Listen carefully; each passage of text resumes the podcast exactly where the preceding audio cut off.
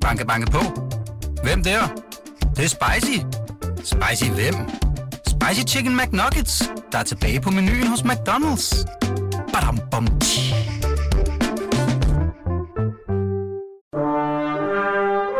Du lytter til Radio 24 Velkommen til Huxi og det gode gamle folketing med Huxi Bak. God formiddag, og rigtig hjertelig velkommen også her fra formandstolen i det gode gamle Folketing. Og lad os uden tøven erklære mødet for åbent. Og det er jo, jeg siger det hver gang, men det er en særlig fornøjelse at åbne mødet, når giveren af klokken er til stede. Så øh, velkommen Heldein, Tak for det. og for gud ved hvilken gang, tak for klokken. Ja, det er godt. Det er, det er en stor fornøjelse. ja, det er godt. Rigtig hjertelig velkommen også til Pia Christmas Møller Tak for det. og Kenneth Christensen Bært. Alle sammen forhåndværende medlemmer af Folketinget. Og hvis vi lige skal tage øh, partifarverne med, så folk ude ved højtalerne er fuldstændig på sikker grund i forhold til, hvor I, hvor I sådan øh, taler fra, om man så må sige. Så er det jo altså en socialdemokrat i Helle Dejen, en konservativ og, og lidt øh, løsgængeri, mm-hmm. hvor man det lyder sådan lidt. Men altså, Uden for partierne, ja. uden for partierne, præcis, ja. hos Pia Christmas og for Kenneth Christensen Bærts vedkommende Dansk Folkeparti. Yep.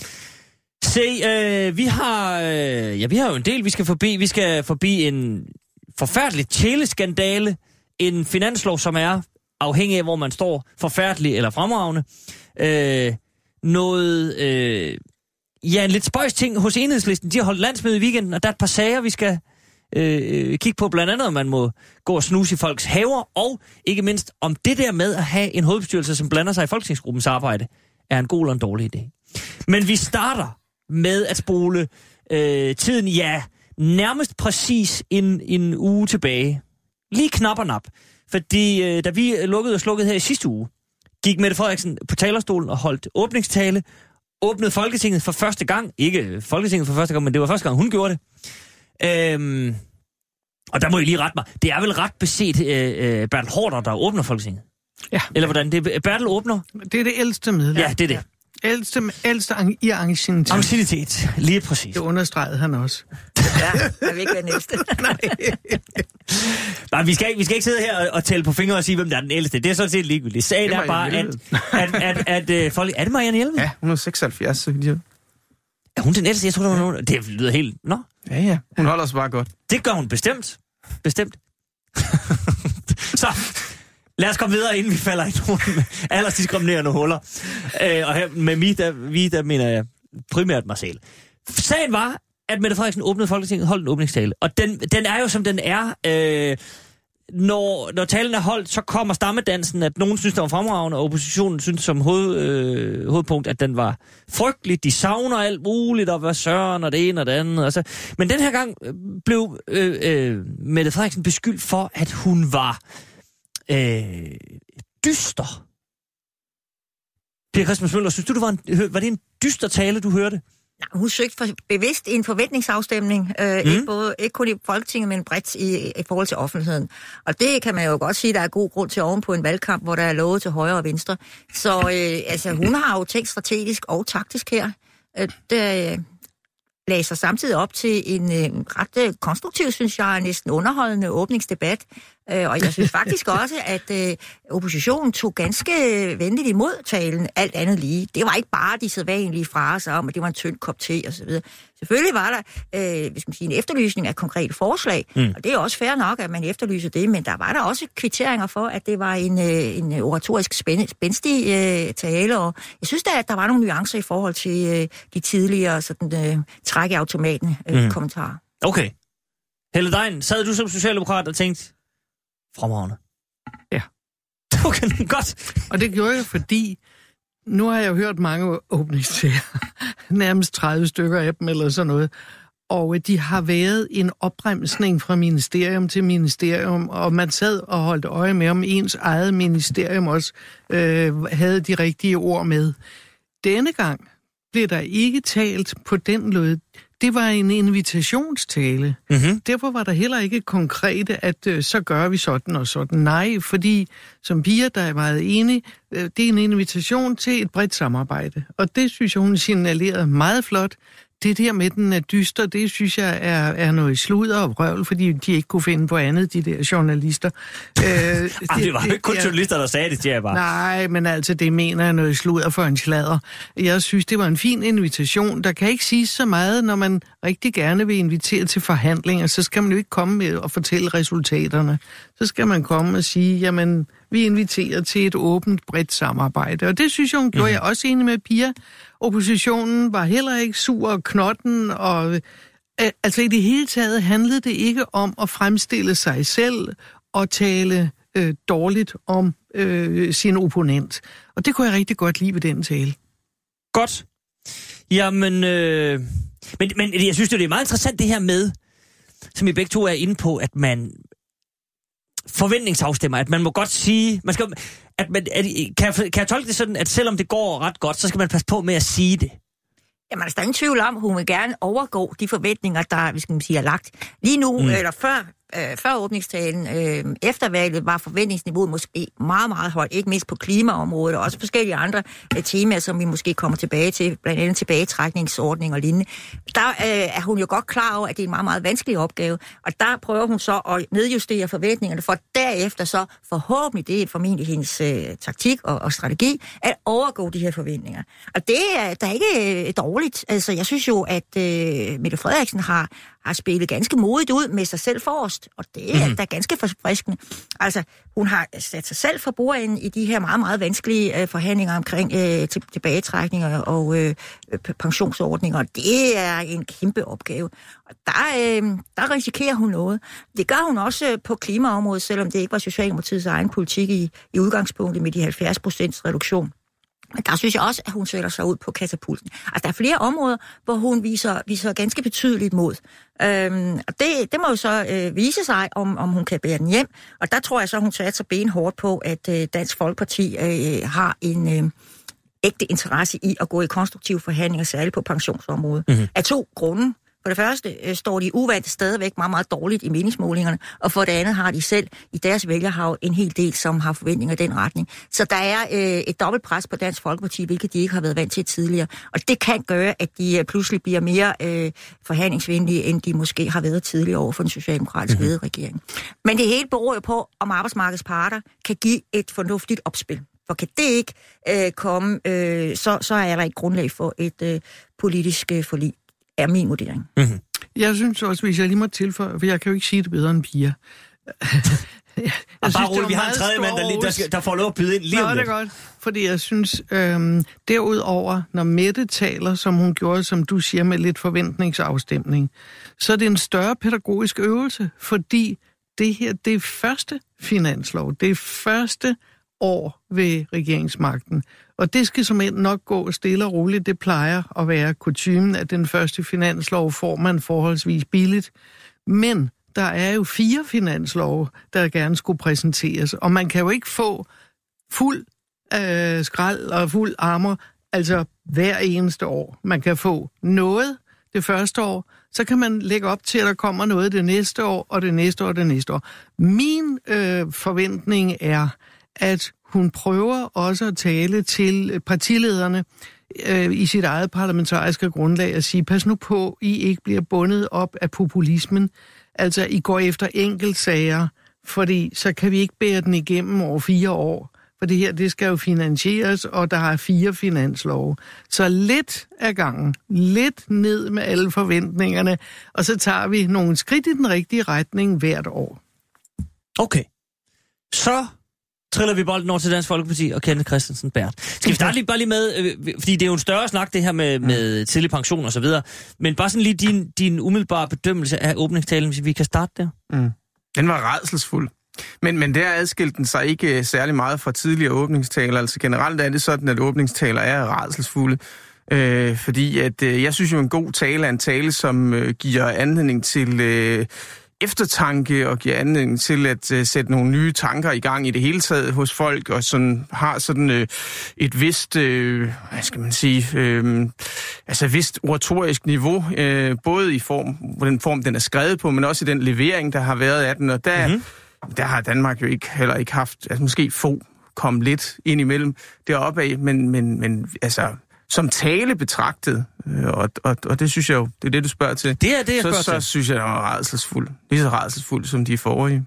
Men der skal vi lige huske på, at der ligger grundloven nogle rammer ind. Altså, der er en grænse for, hvor, hvor langt man kan gå ud i det oratoriske, retoriske spille, øh, fordi øh, det er en øh, statustale for rigets stilling og en pejling på, hvad kan man forvente sig af det kommende øh, år. Det er simpelthen opgaven. Men det skal man lige huske, altså talen falder jo i to dele, en mundtlig del og en skriftlig del. Mm-hmm. Og den skriftlige del skal præsentere de initiativer, de forskellige ministerier øh, overvejer eller øh, forbereder at komme med. Så det, der, der er nogle grundlovsbestemmelser her, der rammer talen ind, så det ikke bare kan blive en ny Kennedy-tale, eller hvad vi nu skulle det kan man gøre mere eller mindre sexet. Altså, man kan jo også lave en god eller en dårlig State of the Union-tale. Altså, faktum er jo bare, at det ligger ikke... Altså, i Danmark, der har vi ikke ret mange dygtige taler, øh, fordi det er ikke prioriteret. Altså, det er ikke, det er ikke noget, man lægger vægt på. I Danmark, der lærer man ikke at tale, der lærer man at holde foredrag. Altså, øh, med sådan en iPad og sådan noget, hvor man står og fortæller og sådan noget. Så man så man skal stå og tale, så er der ikke ret mange mennesker, der kan finde ud af det. Altså, for at sige det rent ud, altså...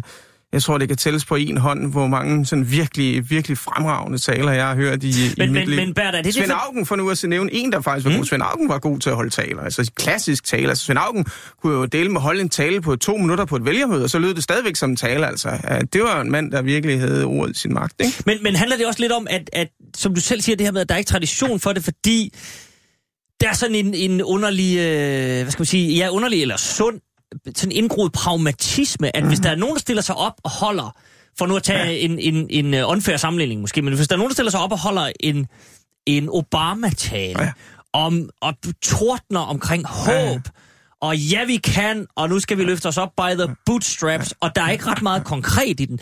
Så vil folk også sidde og sige, hvad i alverden var det? Det var jo Prøv at- bare øh, tomme ord og floskler. Du, du har faktisk virkelig fat i noget der, Huxi, fordi ja, en af de absolut bedste taler, jeg har hørt i tidens løb, det er faktisk den tale, som Ulla Dallerup holdt ved Dansk Folkeparti's øh, årsmøde, før hun blev opstillet som øh, Europaparlamentskandidat. Øh, og det var jo en tale, som er præget af hendes øh, litterære baggrund. Altså det var jo mm. en tale, som, som det var en forfatter, der holdt en politisk tale. Og det vil sige, det var jo en, en, en, i virkeligheden også lidt en dystopisk forestilling, hun, hun hævde frem der. Men den var fantastisk, øh, øh, altså fantastisk skrevet og fantastisk udført. Men hvad fandt, hvad, hvad, hvordan tog pressen den tale ned?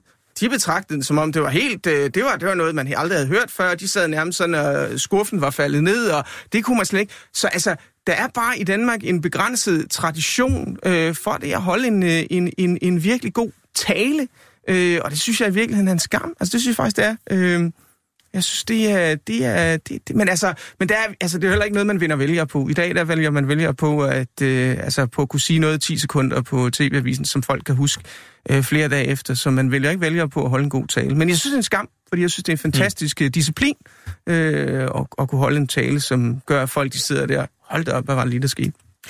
Jeg er meget enig i, at den gode tale, som kan løfte en hel sal, altså stemningsmæssigt, mm. kan forandre en stemning. Mm. Øh, altså det, det er øh, virkelig øh, noget, vi savner i Danmark. Men, men jeg vil så også sige, at det er fejlplaceret at forvente det af åbningstalen. Det, det er ikke fair at stille det krav. Jeg synes heller ikke, det er fair at sammenligne en åbningstale med en, en øh, point øh, og en slide, et slideshow der. Ikke? Altså, det, det, det, det, det er mellemting. Ikke? Altså, det er en præsentation af nogle initiativer, og så synes jeg faktisk, at den, man denne gang løftede sig noget, i modsætning til, til mange tidlige åbningstaler, som ved Gud har været meget kedelige. Altså, man har virkelig siddet og stavet sig igennem det. Ikke? det er, så, så jeg, jeg er grundlæggende enig med, med Kennedy at, at, at efterlyse, at, hvad skal man sige, talens øh, genkomst, ikke? Og, og, og hvor også man respekterer, at det kan tale, en god tale, en god taler, kan virkelig noget. Altså, øh, så øh, også sætte nogle visioner og, og for, give nogle forløsninger. Prøv bare at tænke på, hvor mange gange vi generationer efter Churchill og efter Kennedy refererer til de der taler, mm-hmm. enten de nu selv har skrevet dem eller ej.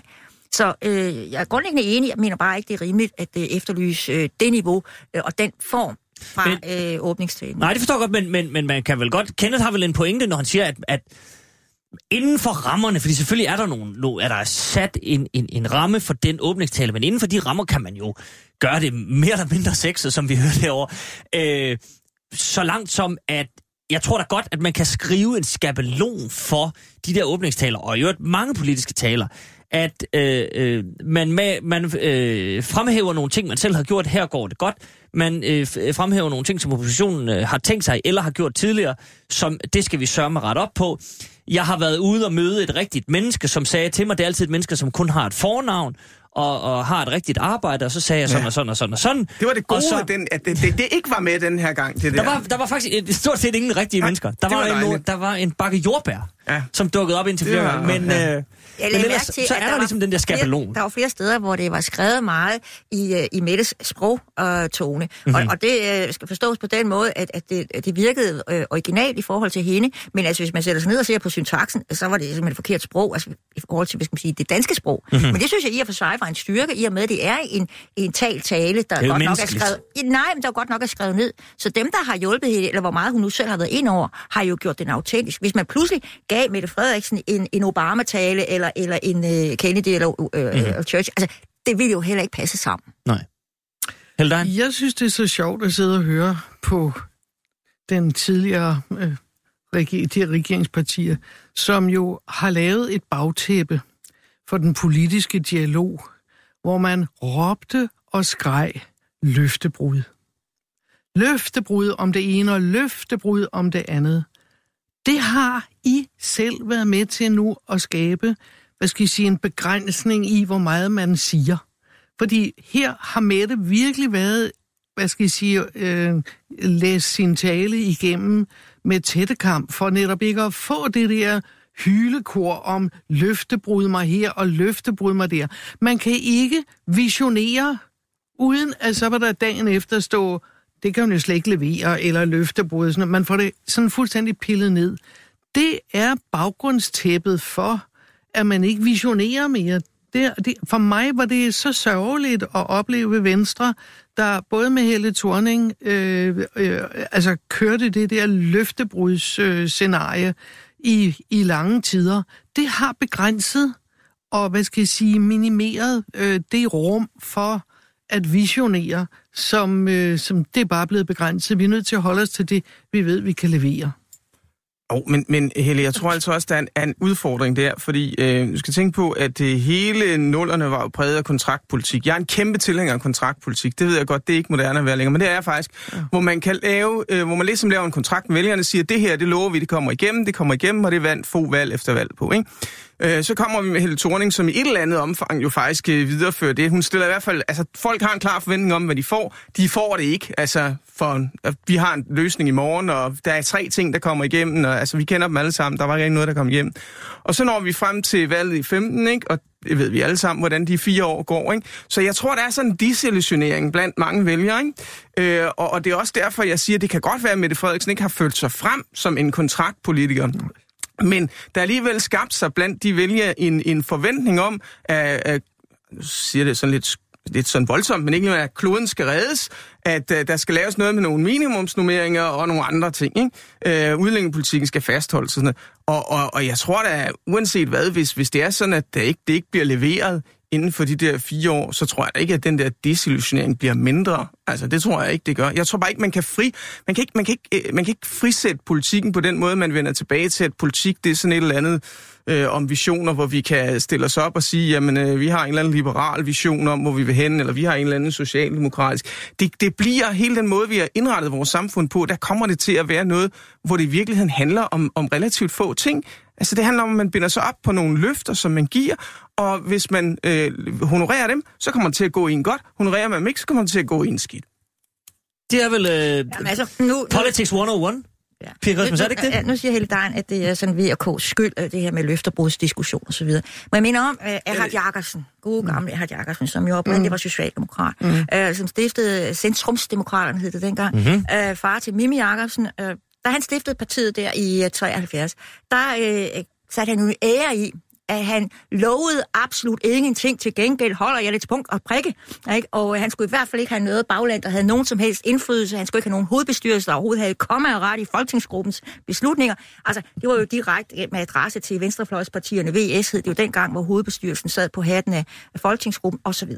Så den der diskussion er vist nok elgammel. Hvis vi så alligevel prøver at operationalisere den diskussion, vi har i gang i lige i øjeblikket her i studiet, så, øh, så tror jeg nok, at jeg må jo sige, at Socialdemokratiet øh, og, øh, og, og vennerne omkring Socialdemokratiet, men ikke mindst Socialdemokratiet, som jo har haft ledelsesansvaret for, for de røde regeringer i de seneste mange år, har noget? et hovedansvar for, at der Mange har været nogle... regeringer. Der har været en fireårig periode, Nej, de og I mange, har haft sagde- det i 14 år. Nej, nej, Nå, nej, prøv lige lade mig tale ud, ikke? Fordi ja. det, her, det her med løftebrud sætter for alvor ind omkring efterløn. Altså, og nyop. Og det gør det jo, fordi jeg var jo selv med til at forhandle det i 98. Vi var nogen, der kunne se, at den ordning kunne ikke bære igennem de kommende år af økonomiske grunde. Socialdemokratiet havde gennemført en valgkamp, hvor man havde lovet, at der overhovedet ikke kunne røres et komma øh, omkring øh, øh, efterløn eller pensionsordninger i øvrigt. Folkepension, nu citerer jeg, folkepensions grundbeløb er det uantastelige øh, øh, kernepunkt i al pensionsopsparing, sagde, sagde Poul Nyrup Rasmussen. Og, lige, og, og Nyrup Rasmussen jeg, i særdeleshed holdt tale på tale til Socialdemokratiets eget bagland. Jeg kan huske, der var et sommermøde i august måned i 98, hvor han igen tilkendegav, at der kunne ikke ske nogen ændringer, og efterløn stod øh, øh, også efter, øh, efter den kommende finanslov.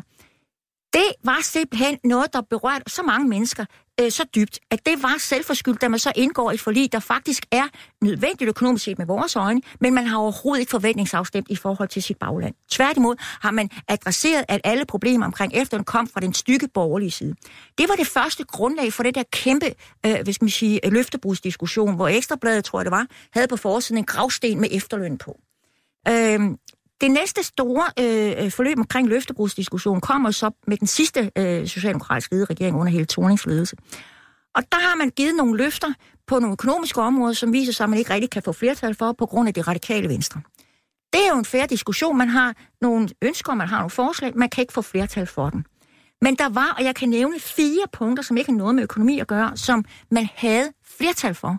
Det var for eksempel øh, hjemtagelse af Guantanamo-fangerne, det var fædrebarsel, øh, og det var øh, øh, øh, hvad hedder det, trafikringen, øh, betalingsringen, og, og der var spørgsmål om for eksempel mindretalsbeskyttelse i Folketinget, hvor et øh, mindretal i Folketinget skulle kunne nedsætte undersøgelseskommissioner. Alt sammen noget, man havde flertal for, og som ikke kunne henvises til en dårligere økonomi end forventet.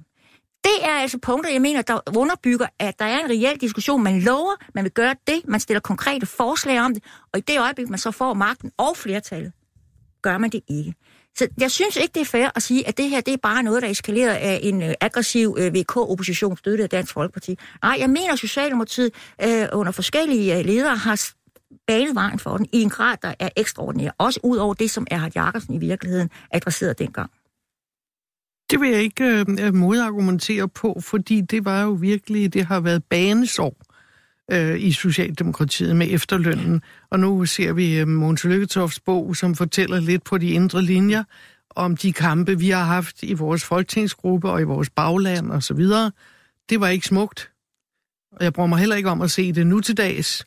Øh, jeg synes, man godt kan beskrive øh, de øh, projekter, man er en del af, uden at man peger fingre. Så det kan jeg ikke lide. Men du har ret i, at vi har da også vores del af ansvaret.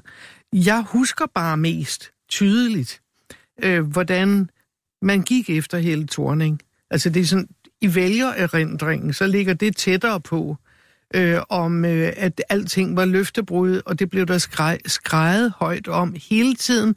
Vi kunne ikke foretage os noget, hverken på den ene eller på den anden side, så blev det der ord løftebrud brugt hele tiden.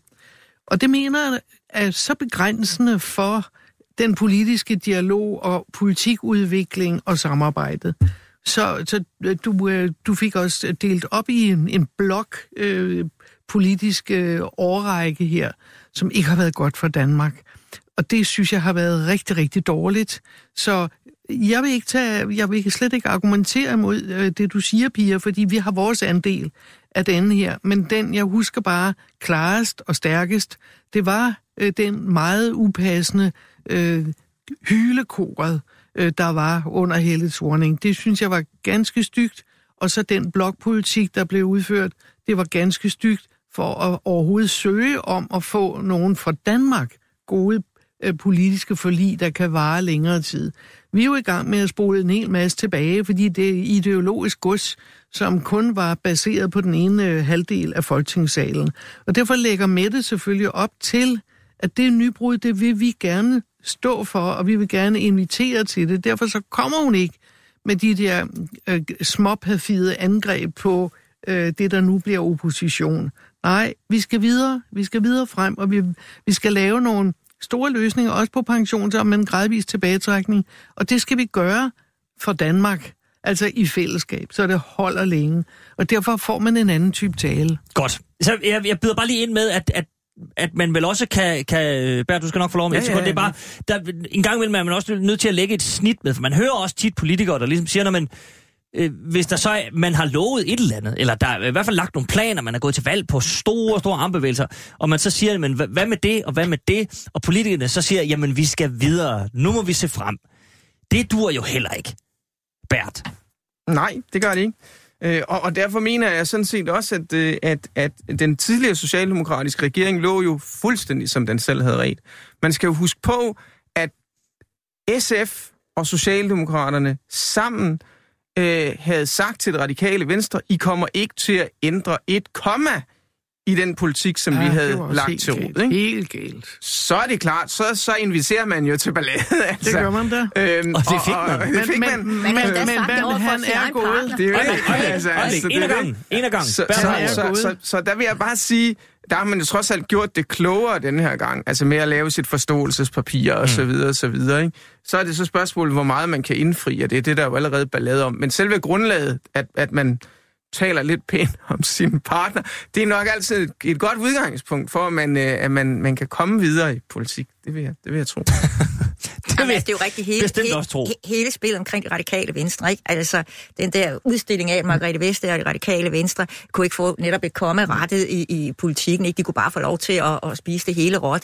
Øh, og, hvor Margrethe Vestager, som leder af de radikale, så laver øh, igen en, en ef- efterlønsaftale med, med den borgerlige blok, og dermed de facto binder den socialdemokratiske regering, for ovenikøbet den socialdemokratiske regering til at indskrive i regeringsgrundlaget, Jeg skulle lige til at sige, at det man stod skulle jo. føre en, økonom, en borgerlig økonomisk politik.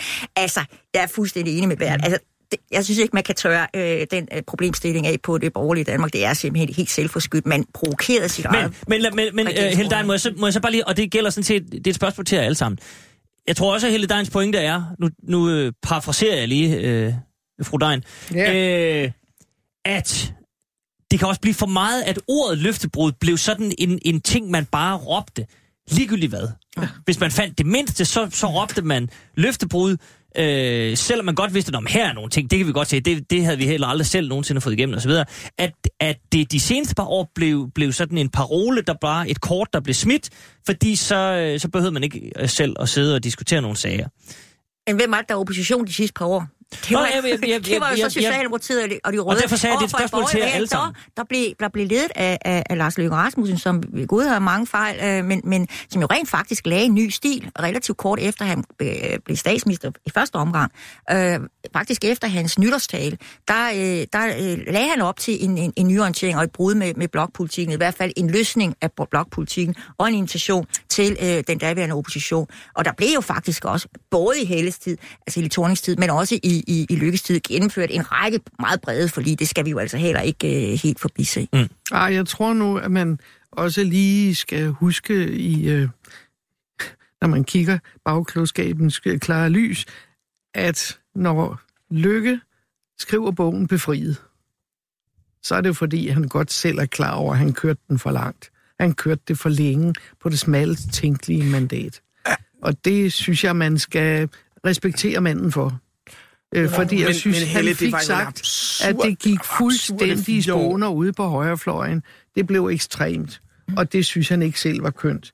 Så han inviterede altså ikke så meget ind på midten, så det gjorde noget. Og men prøv at høre, altså, nu skal man jo huske på, at de sidste fire år i mine øjne har trods alt været et anomali i forhold til, til, til dansk parlamentarisk historie. Altså, vi har at gøre med et parti, som tvang sig ind i en regering ved at sige, at de ellers ville vælte regeringen. Altså, det, det, det kan jeg ikke huske, at, at nogensinde er sket før, vel? Altså, øh, det, hvis, hvis det parti var blevet belønnet for det øh, efter et valg, så tror jeg faktisk, vi havde fået en anden politisk kultur i Danmark. Altså, for at sige, så havde det jo vist, at hvis man virkelig bare spillede med musklerne, så fik man sådan et tryk 16 af vælgerne for det, og det, det gjorde man ikke. Altså, man fik nogle ministerbiler, man fik ikke så meget indflydelse, men det var bare helt, helt ekstremt. Altså, jeg, jeg mener virkelig, øh, at, at, at de sidste fire år har været temmelig ekstrem, og så, så endte det selvfølgelig også med, at, at øh, et, et, et valg, som jo blev trukket nærmest til sidste øjeblik af nogle partier, som blev opstillet, særligt et, som, øh, som ja, havde en lidt anderledes måde at Der, der, agere på, end normale partier har haft. der er jeg enig øh, så langt, at det, jeg synes, vælgerne reagerede på, det var netop, at der var blevet ført blokpolitik ud i det ekstreme. Og vælgerne har ved det her valg sagt, vi vil have styring fra midten. Vi ja, det, det er jeg ikke have- enig vi i, at de har ikke have- fået. Men, men min påstand vil være, eller de har sagt, men min påstand vil faktisk være, tror jeg, at når vi kigger fire år tilbage efter det her, så har vi fået rigtig meget blokpolitik. Fordi det der forståelsespapir, det øh, har jeg en klar overbevisning om, at både det radikale venstre og enhedslisten opfatter som en, øh, en slags pagt. Altså for, at det, dem, det kan man i hvert fald ikke gå ud over med nogen andre end dem. Så, så jeg, jeg tror, vi får rigtig meget blokpolitik øh, Jeg over tror de kommende fire år. gengæld, øh, Og hvad, hvad med den her klimaaftale, altså, som kommer til foråret eksempelvis? Altså, kan den laves bredt med de borgerlige partier i forhold til, at de radikale spiller ud med en tredjedel af landbrugsjorden skal væk og sådan noget? Det, altså, det, som man tænker, hold da op. Altså, jeg, jeg, jeg, jeg vil sige, jeg, jeg tror, vi får ganske meget blokpolitik de næste fire år. Det tror jeg faktisk, vi gør. Jamen lad os nu se, Kenneth, ja, ja. Øh, fordi jeg tror det ikke. Mhm. Jeg tror netop, Mette ligger op med en blød tale. Og hun har sagt før valget og efter valget, at jeg sigter på at få brede forlig.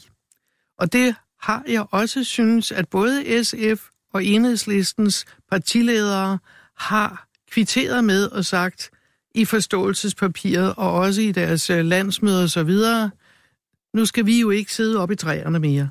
De har lært noget i enhedslisten, at det der med at sidde i træerne, og- det, det synes jeg er flot, og det har jeg taget til efterretning, og så må vi bare se, hvor langt kan det række, og hvor meget, hvor pædagogisk kan Mette være til at prøve at forklare de der partiledere og vælgerbefolkningen, at der er altså fire finanslov at gøre godt med. Vi skal ikke have det hele i første finanslov. Så der, der er et pædagogisk stykke arbejde at forklare vælgerne, at man får ikke det hele første gang. Og jeg synes også, Nikolaj Vammen i sit udspil med finansloven har sagt, jamen der er noget, vi er en etpartiregering, der er noget, som regeringen gerne vil signalere, det er det, vi gerne vil. Men vi er også klar til at forhandle og drøfte de her ting, og vi har hørt, hvad de andre partier, de melder. Nu vil vi gerne lige prøve at samle det sammen, og så se, hvor langt hen over midten vi kan nå. Mhm. Per Christmas? Jamen, jeg tror altså, når, når Lykke øh, øh, skriver, som, eller siger, som han gør i den her bog, så handler det jo lige så meget om, at det er egentlig ikke så meget statsministeren. Statsministeren lægger selvfølgelig Nej, en, det er en grundmelodi. Ja. Øh, øh, hvad, hvad, hvad, hvad vil man gerne, og man Ja. vil gerne invitere til samarbejde, men i realiteten, og det var jo det, han følte mere og mere snærende, det er, at det er jo det parlamentariske grundlags svageste led, der bestemmer, hvor Mm. langt han kan få lov, eller eller i det her tilfælde Mette kan få lov at gå. Så derfor er det jo i virkeligheden enhedslisten, og måske deres hovedbestyrelse, hvem ved, der afgør, hvor langt Mette kan få lov til at gå i at søge brede flertal. Mm. Og der har Kenneth jo ret i, at det, det er jo det, der kan komme an på en test. Jeg mener, det vil være skandaløst, hvis ikke alt bliver gjort for, at de klimaforlig, der måtte blive indgået eller forsøgt indgået, bliver brede. For at, lad os nu sige, at man kan gennemføre en, en klimalov med et spinkelt flertal. Hvad sker der så, hvis man ikke har regeringsmagten efter næste valg? Så smuldrer det hele jo, og det kan man simpelthen ikke være bekendt over for den opgave, man står overfor, eller over for de forventninger, der er bredt i befolkningen. Det er et kæmpe ansvar, man har her, som rækker langt videre end det sædvanlige, vi dealer med. øh, Der må jeg også sige, at jeg har været så positivt overrasket over Dansk Industris melding. Ja. Jeg har været så øh, øh, glædeligt overrasket over pensionskassernes flotte melding. Og Enig. lur mig, om ikke også fagbevægelsen har set, hvad for nogle øh, ta- øh, signaler, der er sendt. Så vi har aldrig haft finere muligheder Til for dem, der ikke øh, lige er med der, så handler det om, Dansk Industri har simpelthen fremlagt en, en grøn plan. Klima. Mm. Klimaplan for de her 70 procent, de er med på den bølge. Pensionskasserne har sagt, at de vil øh, øremærke 350 milliarder kroner til, øh, til grønne derfor, tiltag. så lægger det jo også op Ja, ja, jamen, til, det- at de borgerlige partier også forstår. Det gør det Men bestemt. det, men det gør de skal være borgerlige sammen partier. Altså nu det. er der jo enighed, øh, jeg minus måske nye borgerlige, men ellers er der jo Ja. enighed om vision med de 70 procents reduktion. Det, der er Netop. afgørende, det er, når man så skal lave den her klimalov, Præcis. at man så også forstår, at altså, der ikke sker det på venstrefløjen, inklusive de radikale, at man gejler sig mere og mere op, og mere og mere vil Ja, have, lige have mere og nøjagtigt. mere, som man slet ikke kan levere til sidst. Mm. Altså bliver sådan... Øh, ja, for fordringsfuld i forhold til, hvad der overhovedet kan bære. Mm. Og, og derfor er det jo, altså igen, det er jo fløjene, øh, der, der skal man sige, sætter øh, betingelserne og rammen for, hvor langt man kan gå i de brede forlig. Godt, ved hvad? Så sætter vi lige et, øh, et øh, lille komma her, og så vil jeg bede om at tage øh, ørebøffer på. De skulle gerne hænge til venstre for jer. Fordi det, det jo i virkeligheden også handler om, Pia Christmas, du siger det ganske rigtigt, det handler om, øh, hvor det mindste, det svageste led af, af støttepartierne, det er jo ligesom barn for, hvor langt man kan, kan stramme snoren. Men det Nikolaj Vammen står over for nu, og faktisk nærmest i disse timer, han er i gang med de såkaldte sættemøder, det startede i går, arbejder videre i dag, det er at få lavet den første finanslov. Og der er allerede nogen, der faktisk har råbt øh, løftebrud. Det kan vi lige øh, øh vende tilbage til. Men det, han skal navigere i, det vil jeg præsentere for jer nu, fordi alle partierne var inde og vende i går. Øh, stort set, der er, uden for kleiner nu, men det er Færøerne og Grønland og sådan noget, der skal ind i dag, og det er ikke, måske ikke det, der vælter læsset. Og så har jeg ikke fornærmet nogen, håber jeg. Øh, men de tidligste meldinger og sådan små ønsker, som Nikolaj Vammen, det er jo ikke nogen lille opgave, skal få til at, at, at, at øh, binde sammen i en eller anden form for finanslovskludetæppe. De er som følger, der kommer lige øh, to små minutter her med øh, ordfører og en række ønsker, og så kan vi selv prøve at se, om vi kan sætte et lille tæppe sammen bagefter. Der er flere ønsker, end der er, er penge, og derfor glæder jeg mig til at høre partiernes forslag, både til, hvordan man kan bruge penge, men også, hvordan man kan skaffe penge. Både på det grønne område, på børn, unge og uddannelse, men også i forhold til at understøtte øh, dansk økonomi. Og, øh, og der er der et stykke vej mellem det ambitionsniveau, vi har, og, og det, som regeringen er spillet ud med, og så må vi jo øh, starte forhandlingerne der. Det skal være meget mere grøn, øh, og den økonomi, der nu ligger i den, eller den økonomigram, der ligger i den nu, er slet ikke god nok. Det er derfor, at vi kommer med blandt andet et bud på at lave grønne obligationer, øh, som gør, at vi kan skaffe en langt, langt bedre finansiering. Det her skal være en finanslov, som kan mærkes på velfærden og kan måles på vores klimaregnskab. Det er to helt centrale parametre for alle de mange mennesker, som har stemt på et nyt flertal, så det skal vi simpelthen i fællesskab løse. Finansministeren startede med at lægge ud med, at han havde en fornemmelse af, at børn var vigtigt for os, om vi kunne uddybe, hvad det var, vi ville med minimumsnummeringer. Og det brugte vi en del af mødet på, netop at snakke om, hvad er det for en model, vi forestiller os, der skal være for vores børn. Uh, vi har været over til en kop kaffe og haft en, en venlig snak med, med Nikolaj Vammen, men jo ikke noget, uh, som vi er blevet klogere af overhovedet. Det eneste, vi kan forstå, det er, at han nu vil tale med alle partier, og så har vi sagt, hvad vores prioriteter er. Og vores prioriteter er klare, det er, at vi vil ikke gøre det dyrere at være dansker. Vi havde en, et, et hyggeligt møde, øh, og en god, stærk kop kaffe. Øh, og så må vi se, hvor mange møder der bliver yderligere efter det her. Vi kommer nogle gode råd til regeringen. Flere penge til de ældre, øh, flere midler til politiet, flere politifolk. Øh, lad nu være at, at lempe udlændingepolitikken. Det mest sandsynlige er vel, at øh, regeringen laver en aftale sammen med sit parlamentariske grundlov. Men øh, vi tilbyder i hvert fald at hjælpe regeringen ud af enhedslistens klør. Øh, vores situation er jo den, at vi har de mandater, der skal til for at øh, lave en finanslov i stedet for enhedslisten. Ja, således altså partierne, stort set alle sammen, vi mangler lige øh, nye borgerlige. Øh, lyn, recap, Morten Østergaard, han, det var noget med nogle penge, han var lidt i tvivl stadigvæk faktisk. Øh, Uffe Elbæk, han synes, det skal være grønnere. Pernille Skipper, husk velfærden, husk klimaregnskabet. Pia Olsen Dyr, det var minimumsnummeringerne, dem har hun jo talt om hele tiden. Så var det Trulsund Poulsen, øh, det var kort og kontant, det skal, må, må bare ikke blive dyrere at være dansker. Så var det Peter øh, Skåb, han havde fået en stærk kop kaffe. Jeg ved ikke, om hvordan de andre øh, havde været, men altså... Øh, og det var ældre politiet og udlændinge, og så var det øh, Jarlov til sidst, som sådan set bare vil holde regeringen ud af enhedslistens klør. Kenneth Christensen Bært, mm. øh, man kan jo ikke gabe over det hele. Nej, men hvis, hvis, hvis man skal koge det her helt ind til benet, så tror jeg faktisk, det der ligesom er det, der ligesom er problemet her, det er klimaet i virkeligheden. Fordi det virker som om, der er en hel del partier, som vil ind og tage forskud på noget, som egentlig først skal foregå til foråret, altså i forhandlinger med et, et bredt bredt øh, udsnit af Folketinget. Altså selve klimaloven, når den skal til yes. Ja. Øh, fordi det er enhedslisten, der siger, at det skal allerede kunne mærkes på vores klimaregnskab. Det, som man aftaler i finansloven, og øh, Østergaard har også været hen i det, i det, i det, i det hårde hjørne, for ikke slet at tale om Ida Augen. Altså, øh, og, og der synes jeg altså, det ville være rart, hvis øh, Socialdemokraterne kunne... Altså, det indikerer udspillet jo sådan set også, at Socialdemokraterne er egentlig ikke så optaget af at skulle til at diskutere alt for meget klima i den finanslov. Men, men jeg tror altså, der, der er nogen, der ligesom er nødt til at lave nogle forventningsafstemninger og sige, hvor, hvornår skal vi diskutere de her ting? Fordi det nytter jo ikke noget, at man de facto aftaler øh, tingene ved en finanslov nu, og så kommer til foråret og siger, Nå, nu vil vi gerne høre de borgerlige partier, hvad de så mener, hvis, hvis øh, der ligesom er lagt en meget klar linje i, i sandet for, hvad, øh, altså, hvor vi skal hen med afgifter og så videre. Ikke? Altså, så jeg tror, at, at det kan godt gå hen og blive lidt bøvlet, det der, hvis der, hvis, hvis der ikke sker en forventningsafstemning på det område. Mm-hmm. Per Christmas, hvad siger de borgerlige til det? Jamen, altså, det kan jeg, jeg kan ikke tale på de borgerlige vegne, Nej, men, men men nu- jeg, kan- jeg kan sige, at der er to ting omkring det her. Ikke? Det ene, det er uh, det psykologiske, og det andet, det er det realitetsbetonede. Og enhver, øh, der har en lille smule indsigt i politik, kunne skrive de her uh, one-liners, vi lige har hørt. Mm. Altså, er der var ikke noget overraskende? Det, det, det kan vi det, godt blive det, enige om. det, det, er så lidt overraskende, så det er virkelig ikke? altså, øhm, og, og, og, øh, Jeg prøvede at klippe det så kort, jeg kunne. Altså, og selvom man ikke skal undervurdere varmens opgave, så er den også øh, ret nem at forudskikke. Ikke? Altså han skal som minimum holde sammen på sit øh, parlamentariske grundlag omkring finansloven. Og øh, uden at være den store øh, du ved, øh, sandsirske, så tror jeg, at vi kommer til at se en finanslovsaftale, der primært bæres igennem af øh, det parlamentariske grundlag bag regeringen. Og det, der så ligger i det, det er, at øh, de øh, partier, der udgør det parlamentariske grundlag, skal alle kunne komme ud af glasdøren og sige, uhu, vi fik det og det og det, og så har vi øvrigt, og nu må vi også holde dem i snorene, og så videre, så videre. Øh, der er afsat 2,1 milliarder til det. Mm-hmm. Der er så nogen, der siger, at det er for lidt. Der ved vi jo godt, at øh, Finansministeriet har nogle gode regnedrenge, så de kan nok i den sidste runde trylle lidt ekstra millioner op på bordet. Ikke vildt meget, men noget Klassisk ekstra. øvelse. Man siger jo ikke nu, hvor meget man har. Nej. Der er altid... Der, men der er på forhånd afsat 2,1 Lidt i kis- milliarder. krigskisten, Så- så- så- eller hvad Og det er jo meningen, at nu skal det så afgøres ved forhandlingsbordet, hvordan skal det så fordeles inden for de her dagsordner, der hedder minimumsnormeringer og grønne, øh, ditten, datten, dutten.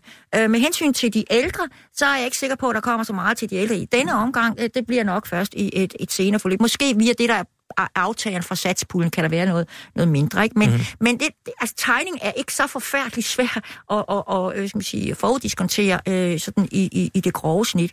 Det der, det der skal man sige, øh, lægger an til øh, øh, det virkelige, det er jo, at, øh, at og der er det jo rigtigt, hvad Kenneth siger, altså udmyndningerne. Der er det vigtigt, at de sørger for at holde dørene åbne til det brede flertal på det, der virkelig gælder. Og her er det for eksempel sådan noget som, som øh, den grønne dagsorden. Mm-hmm. Jeg kunne godt forestille mig, at for at levere allerede finansloven, at de så giver noget mindre, for eksempel på, på flyafgifter. Altså, øh, øh, flyindustrien har jo selv været ude med, med nogle idéer her. Så der kunne jeg godt forestille mig, at man siger, okay, øh, om de borgerlige øh, nu er med eller ikke med her, der har de alligevel så fast øh, afsæt øh, i forhold til industrien, at det kan måske godt bære, at de går ind og, og laver en delfinansiering af noget der. Altså, ja, nu sidder jeg bare og elaborerer øh, på, hvordan man kunne forestille sig de ting derovre. Men det er meget væsentligt, at man tænker på, hvad det psykologiske? Det psykologiske er, at alle partier har været igennem en meget lang valgkamp. De skal alle sammen kunne levere noget i forhold til deres bagland, hvis de skal lægge stemmer til en finanslov. Der skal samtidig være realitet i det, sådan at øh, det også peger fremad, så det er inden for en økonomisk realistisk ramme, som, som regeringen kan stå sig ved. I virkeligheden, Pia Christmas handler det om, øh, øh, hvis jeg må kode det ind, du sagde, at der øh, for de partier, som står i forståelsespapiret, er en fortsat forståelse på den anden side af en tegnerfinans. Ja, og de skal kunne se sig selv i. De skal mm. se nogle bidder af noget af det, de har kæmpet hårdt for. Og jeg Ja. ja. kan ikke se for mig, at SF kan komme igennem, uden at der er et eller andet på minimumsnormering. Det kan godt være, at hele skalaen ikke, men de kommer lidt nærmere det, de har øh, snakket om i forståelsespapiret, fordi de har hængt sig så tæt op på, på det som succeskriterium.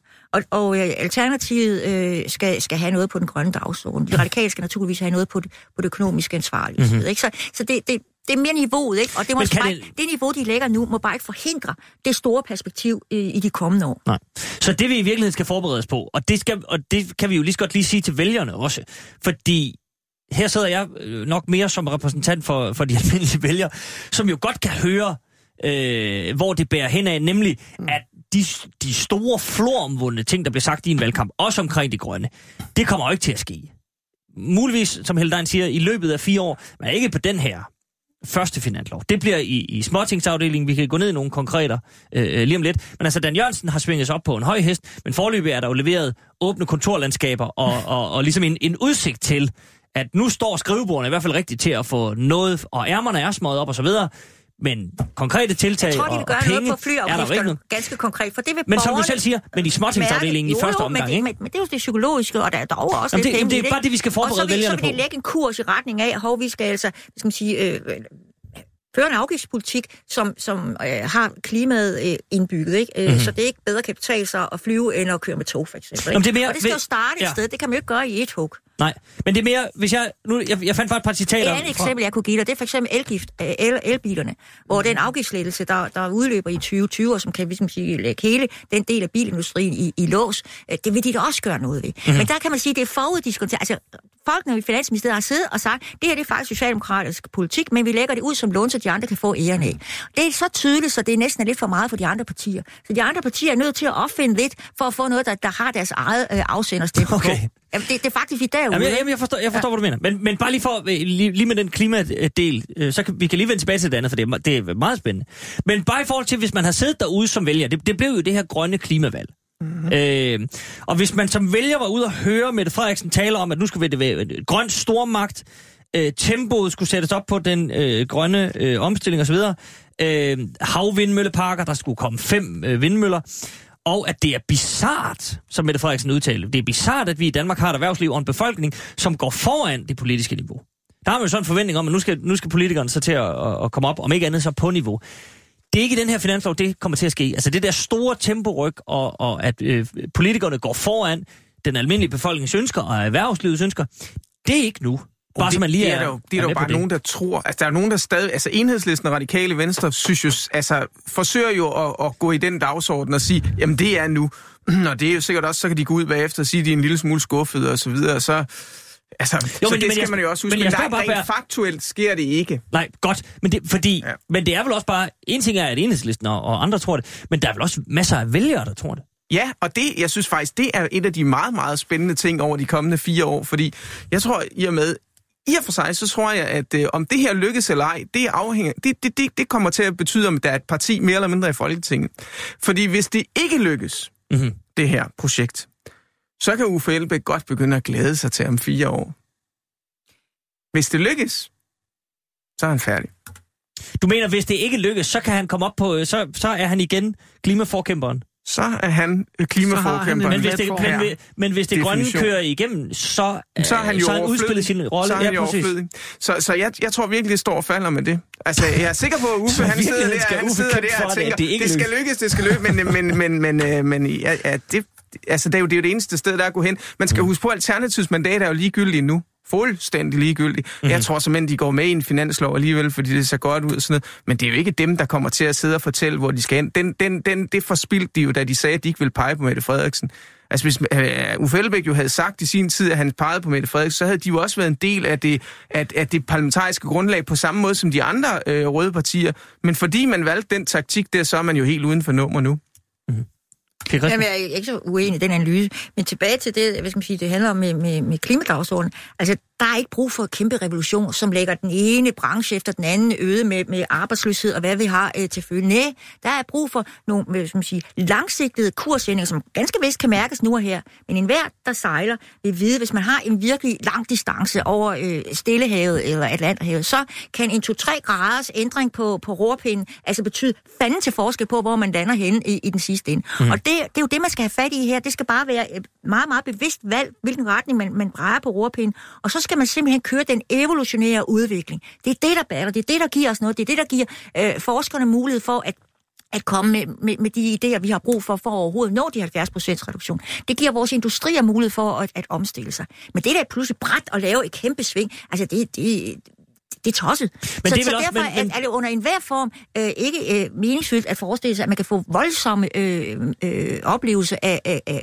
af, klimaændringerne, altså af klimapolitiske ændringer i, i øh, 2020. Nej, der skal lægges en, en ny kurs, og så år for år, så knæver man sig ind på det mål, der er lagt. Men der vil næsvise typer så nok også indvende, at en lille bitte kursændring på to grader er øh, kan man godt definere som en revolution inden for dansk politik, som ofte bærer præg af, at der bliver sat nogen på broen, som sådan set bare holder roret. Ja. Og hvis eneste opgave er, det her skib må ikke gå ned.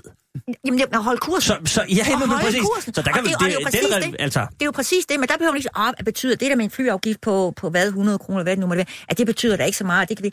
Jamen hør da her, det er da det, der, der, der med, med, det ene og det andet initiativ ovenpå ovenpå giver, giver virkningen. Mhm. Mm-hmm. Så, så det, er- det, det er der, hvad er det for en forventning, vi har? Skal vi alle sammen pludselig nu øh, øh, være øh, veganere? Nej, det skal vi da ikke. Det giver da ikke mening. Godt Og ikke nok noget ondt ord om, om veganere, men, men, Nej, nej. men, men altså... Så er der mere til os andre. Jo, jo, men, altså, men lad os nu være fornuftige, men vi kan da godt altså, overveje at, at, at cykle med det også. Ved du hvad, jeg har set? Jeg har set en øh, undersøgelse fra nogle forskere, der viser, at en til en, jeg ved så ikke, om det er rigtigt, men, men det er der altså nogle videnskabsfolk, der siger, en til en får man forlænget sit liv med, med, øh, med den tid, man bruger på en cykel. Du godeste gud, jeg bliver Det er da- gammel det er så. Det er da værd at. Ah, Ja, ja. det ved jeg ikke, om jeg men magter. men, men altså, der, hvor det giver mening, jeg er øh, være en lille smule bevidst om, øh, om, om adfærden, og så selvfølgelig de store politiske strukturforandringer i et evolutionært tempo. Det er Mhm. et godt konservativt princip. Godt. Så skal vi lige over til øh, Socialdemokraten, fordi Helle Dein, der er blevet sagt meget her, som du skal få lov til lige at give Ja. igen på. Ikke mindst, fordi det synes jeg var meget spændende, øh, det Pia Christmas Møller sagde, med at, og, og det er jo vel sådan set en, en, øh, en ros, at Social- Socialdemokratiet har, har ligesom lagt nogle lunser ud til nogle af de andre partier, som er socialdemokratisk øh, politik, men som de andre ligesom øh, godt kan gå med på og skal, have lov, skal forsøge at sætte deres eget præg på, så det ligner deres politik. Det er jo sådan set meget smart. Det er ret smart. Og det er selvfølgelig øh, gennemtænkt. øh, og i modsætning til Corridon, som havde meget svært med at øh, give noget til det parlamentariske grundlag og samarbejde med de her folk, så er Nikolaj Vammen der klar med en pædagogisk øh, hvad skal jeg sige, præsentation at sige, vores samarbejdspartnere skal også have noget. Og det bliver lidt af gangen. Og hvis der skal øh, præsteres noget, øh, som man kan måle, fordi jeg kan høre, at flere af øh, det parlamentariske baglands øh, politiske ledere, de vil gerne have noget målbart. Det skal kunne ses, som de siger. Ja, men så er vi nødt til at dæmpe også deres forventninger lidt, og få dem til at forstå første finanslov. Så er det meget små ting, men det skal pege den rigtige retning. Og det synes jeg faktisk, at Nikolaj Vammen har lagt øh, fint op til, at øh, de får noget på politiet, de får noget på ældre, de får noget på udlændinge, de får noget på børn og unge og daginstitutioner, og noget, som ikke tales, øh, i talesættes så meget, men som lige kunne her være mit svar til den nye element. Det, skal, øh, det må ikke være dyrere at, at være dansker, nej, men vi har aldrig har været, det har aldrig været så dyrt som med den her seneste venstreledede regering, hvor er milliarderne fosset ud af kassen. Nu skal vi altså have de der milliarder ind, og det bliver der sat hårdt ind for med nye skattecenter og ansættelse af folk, der, der får bygget fundamentet under velfærdssamfundet op igen, så det svarer tidsvarende til den teknologi og de andre ting, som vi har fået i mellemtiden. Ej, det og her lidt, kan lidt der komme at- at- milliarder den sidste ind regering til finansiering. skatteproblemerne. Det synes jeg, det er. Er det ikke lidt groft trods alt at give den sidste regering skylden for de skatteproblemer? Altså, det ligger Nej, jo, det det ligger jo helt tilbage til den, øh, altså, den gamle borgerlige det er den regering, gamle og blev diskussion ikke fra valgkampen. Hvem har siddet og- så længe ja. med, valgkamp, ved, med regeringsbordet? 14 år, og vi har haft fire. Og men, men så kan man jo også Så- argumentere for, at der var fire år, hvor I ikke ved. gjorde noget. Den, hele den der diskussion med de der, jeg tror, ni skatteminister Mhm. af, af alle mulige farver. Ja, ja, ja. Øh, det siger jeg heller ikke. Og jeg har er heller næsten, ikke siger, mig et ansvar, men jeg siger, at her kan der hentes mange milliarder ind, og det har været dyrt Mhm. at have den seneste skatminister, som sad på hænderne. øh, Ej, det og passer ikke. fik- Ej, det gjorde Carsten Lauritsen ikke. Det er ikke fair. at sige. Nej, men Han fik ikke gjort meget ved det. Altså. Ej, det er simpelthen ikke fair. Det er, Prøv at det høre, nu, ikke fair. jeg, der, der tror jeg, formanden vil skære igennem med, med en, øh, en erklæring om, at alle de skatteminister på en eller anden måde har siddet på hænderne. Der var ikke nogen, der... der altså, Altså, bortset fra Francis, han har... Altså, der Jamen, Jamen, jeg- det er også jeg- åbenbart, hvad han tog fat på det. Lund Jamen, det er Poulsen jeg taler om Carsten Lauritsen. Det er den ja, sidste jeg skatteminister, taler han om tog fat. Troels Lund, som jamen, fyrede ikke den sidste. 3.000 medarbejdere i skattevæsenet, som underminerede skattevæsenet men, men fuldstændig. Helle, så, så, så kom vi til 15, øh, slået vrøvl 11 til 15, var der jo ikke, skete der jo ikke den store genopretning så. Nej, det er jeg helt enig i. Det er jeg helt enig i. Nå, bare vi, okay. Det, det, jeg vil ikke frelægge mig noget ansvar. Jeg siger bare, det, Det, har været det var bare dyrt. fordi, det fik en lille klang af. Ja, det gjorde det, og det er også, øh, det, den skal også være der. Okay. Øh. Øh. Må jeg så stille et sidste spørgsmål? Fordi kl. 11 skal vi lige have lidt nyheder. Men Helle Dein, jeg vil godt stille dig et lille spørgsmål om, det, om sådan tak, taktik og finanslovsudspil. Ja. Øh, nu taler vi øh, klima og det ene og det andet og, og så videre. Men den der med smøgerne, som er blevet diskuteret meget med, og de fik meget øh, kritik, regeringen, for at gå ud og sige, at det skal kun koste 50 kroner. Ja. Kan du bekræfte formandens formodning om, at det også er sådan en, man lige smider ud, og så kommer der noget kritik, og det ene og det andet, men den er lagt ud på 50 kroner, fordi så kan enhedslisten og SF og andre sige, det er simpelthen for let, og når finansloven lander, så koster de 60-65 kroner. Og det er man sådan set med på. Yeah. Men det kommer man jo ikke spille ud med, fordi så, så ser det dumt ud. Så er det en lunds. Ja. Okay. Godt. Mere behøver vi jo ikke tale om. Nej. Sådan set. Det var bare lige... Vi talte meget om det i sidste uge. Ja, men Mette Frederiksen forsøgte jo også i valgkampen med, at det kun var de unge, der skulle betale mere for smøgerne, hvorimod dem, der var førtidspensionister og sådan noget, de skulle ikke. Jeg fatter har Den, ud af, den, hvordan det den skulle kan kunne lade sig gøre. simpelthen men- ikke argumenteres fornuftigt. så Hun gik derfor, også selv væk fra den to Ja, dage det er- inden valget. Ja, det er vi nok meget husker. klogt. derfor så, øh, Det er godt, der er den går nogle jeg ikke op kan i. blive klogere, trods alt. Ja, den går jeg ikke op i, for den var simpelthen så pinligt øh, øh, præsenteret. Så den, øh, det får en ændring øh, i, for, i forhandlingerne, og øh, øh, forståelsespartierne, de får, øh, hvad de gerne vil have. Godt. Ja, ved I hvad, så, øh, så sætter vi lige, lige... Altså, vi vil jo selvfølgelig øh, med, med, med lup følge med i, Det er da klart. hvad der kommer til at ske. Og, og om alt går vel, også med denne station i hørt, så kan vi jo tales med i... Må ikke den er sådan vedtaget hen af, af december, som vi plejer? Der krydser vi lige fingre for alt muligt der. Der, der er mange underliggende ting der, men det, øh, det kan vi tage til den bedste. Vi håber det bedste. Absolut. Øh, og se, så skal vi nemlig forbi øh, i næste time. Ja, en teleskandale, og der må, I, øh, der må I lige bære over med formanden. Der bliver altså en lille smule oplæsning omkring lidt indledende benøvelser, fordi det, det er mere end komplekst, det der er sket der. Men så meget desto mere skal vi nemlig diskutere, om ikke også der kan være, tør jeg sige, bør være, et eller andet øh, politisk ansvar i den. Så skal vi forbi enhedslisten. Øh, vi har været inde øh, forbi dem et par gange med den her hovedbestyrelse, som jeg tror, Pia Christmas, du sagde meget øh, fint, at de sad på hatten af øh, folketingsgruppen. Det billede øh, vender vi tilbage til øh, i anden halvdel af det her program, men først skal vi have en omgang nyheder. Du lytter til Radio 24 /7. Velkommen til Huxi og det gode gamle folketing med Huxi Bak. Rigtig hjertelig velkommen tilbage her til det gode gamle Folketing, hvor jeg fortfarende har besøg af Helle Dein, Pia Christmas Møller og Kenneth Christensen Bert. Vi har brugt en øh, lille times tid på at se nærmere på en åbningstale og de kommende finanslovsforhandlinger på godt og ondt. Øhm, og nu skal vi videre til noget, ja, ganske andet. Det tror jeg godt, man kan sige. En, øh, Ja, det er jo svært at, at, at, at undersælge, hvor, hvor alvorlig en sag det her det er. Det er den såkaldte teleskandale, og det er en lille smule komplekst. Det er noget med telemaster og indsamling af triangulerede oplysninger, som gør, at man kan placere øh, ja, øh, øh, kriminelle og folk, der er mistænkt for kriminalitet på visse steder, på visse tidspunkter. Så noget, noget, der er afgørende for politiets opklaringsarbejde, og derfor også meget, meget alvorligt, hvis der er fejl i det. Og det er netop det, der har vist sig at være.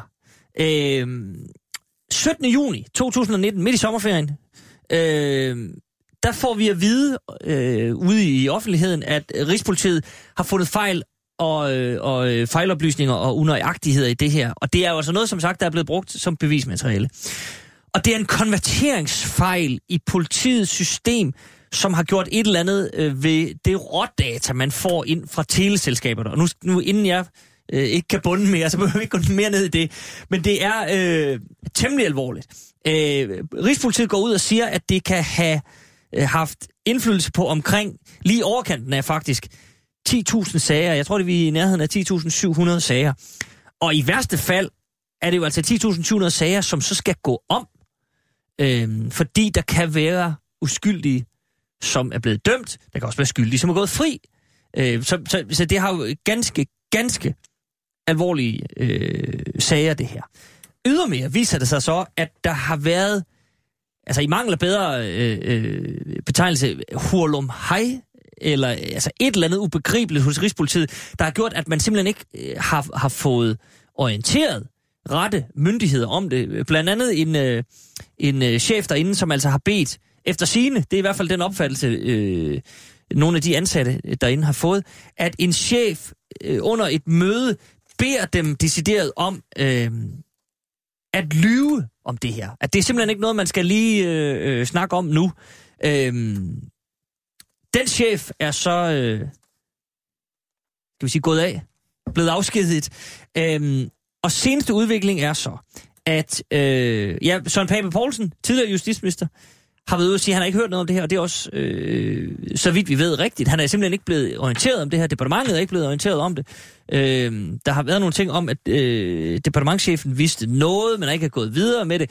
Øh, dommerne er ikke blevet informeret af det her. Folketinget er slet ikke blevet orienteret om det her.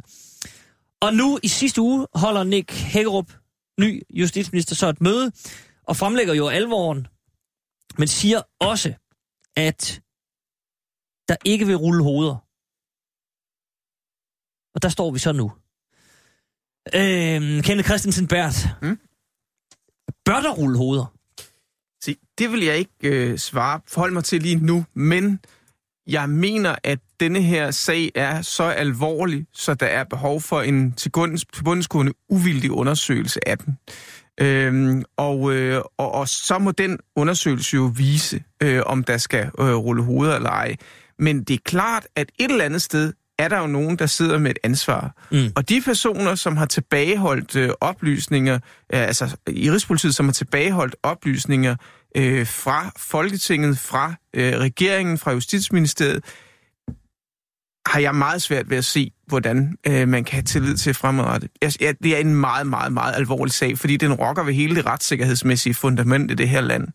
Øh, og, og derfor synes jeg slet ikke, man kan undervurdere den. Og jeg forstår ikke, at den kan ende der, hvor den står til at ende nu. Det gør jeg ikke. Altså, jeg, jeg synes, der er blevet i gang sat undersøgelser for betydeligt mindre ting end det her mm. øh, i tidens løb. Jamen, jeg kan bare sige enig. Altså, øh, jeg kan ikke rigtig se øh, rimeligheden i ikke at, øh, undersøge det her uvildigt om sagens omfang, øh, dens konsekvenser. Altså, vi siger nu bandemedlemmer, der er løsladt, øh, og de huserer igen. Øh, der kan være andre øh, øh, uskyldige, der er, er, er dømt. Øh, altså, jeg, jeg mener også, det er en dybt alvorlig sag, og det her med, at der er, er nogen, der har tilbageholdt oplysninger for de politisk ansvarlige, er helt uacceptabelt. Så kan det godt være, at der er en, der er blevet gået eller sagt op eller hvad. Øh, jeg er enig i, sagens omfang og karakter øh, og betydning indebærer, at man er nødt til at undersøge det. Jeg forstår ikke rigtig øh, regeringens standpunkt i den her mm. sag. Eller dig? Og det gør jeg heller ikke. Jeg synes, man skal øh, snakke med partierne om, hvad for en type undersøgelse man skal lave. Fordi det nytter ikke noget, at man laver en undersøgelse, som kun kratter i overfladen. Vi har set alt for mange undersøgelser, som ikke fik fat. Altså fordi det ene led for tiger, det næste led for tiger og så videre, og man får ikke fat om øh, øh, ondets rod. Så derfor øh, havde jeg forventet, at Nick Hækkerup han lagde op til, han ville indkalde partierne til sammen og finde ud af, hvad for en... Det ville jeg have gjort, hvis det var ja. mig, der sad som fuldstændig ny justitsminister, som Nick gør.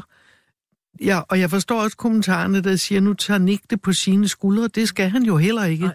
Altså, der skulle vi også have Pape til at træde lidt mere i karakter og sige, ja, jeg har ikke fået noget at vide om det, og jeg vil gerne sammen med den nuværende justitsminister være med til at prøve at udtænke en måde, det her kan undersøges på, så det fører til et resultat. For ellers så bruger vi bare en masse penge og en masse energi og en masse tid, i stedet for at tænke frem og prøve at finde ud af, hvordan det er, vi så skal have det bygget op. For det er helt tydeligt, at Rigspolitikontoret, øh, kontoret skulle lige til at sige, altså afdelingen i vores system, den skal ommøbleres. Der sidder 1900 mennesker, som øh, altså har taget os alle sammen ved næsen. Altså, det kan vi da ikke have.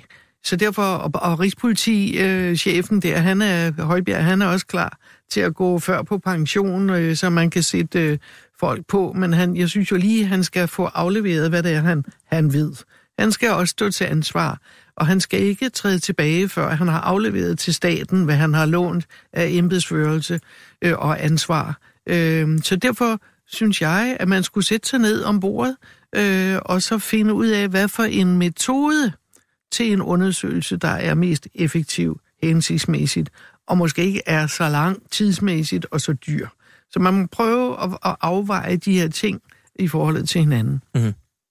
Ja, Jamen altså, jeg, jeg er enig i meget af det, Helle siger her. Øhm, det, det, jeg undres meget over, det er altså erfaren en politiker, uh, som Nick Hækkerup, ikke uh, med det samme ser, at han skal indkalde partierne. Og ja. i hvert fald de gamle uh, partier, gamle ansvarlige partier, mm. men i hvert fald måske bredt alle partier, um, til en drøftelse, som det hele lægger op til. Jeg synes dog ikke, som Helle så også siger, at, at det er Papes øh, opgave at tage det initiativ. Han kunne nej, godt nej, det, det er det, men det, jeg mener, men det er bare spille ud, altså også med at mene noget, ikke? Jo, jo, men det har man øh, vist ja. også gjort, ikke? Altså, øh, jeg, jeg, øh, jeg, jeg, jeg undrer mig over, at, at han ikke som en rygmavsreaktion mm. tager et sådan initiativ.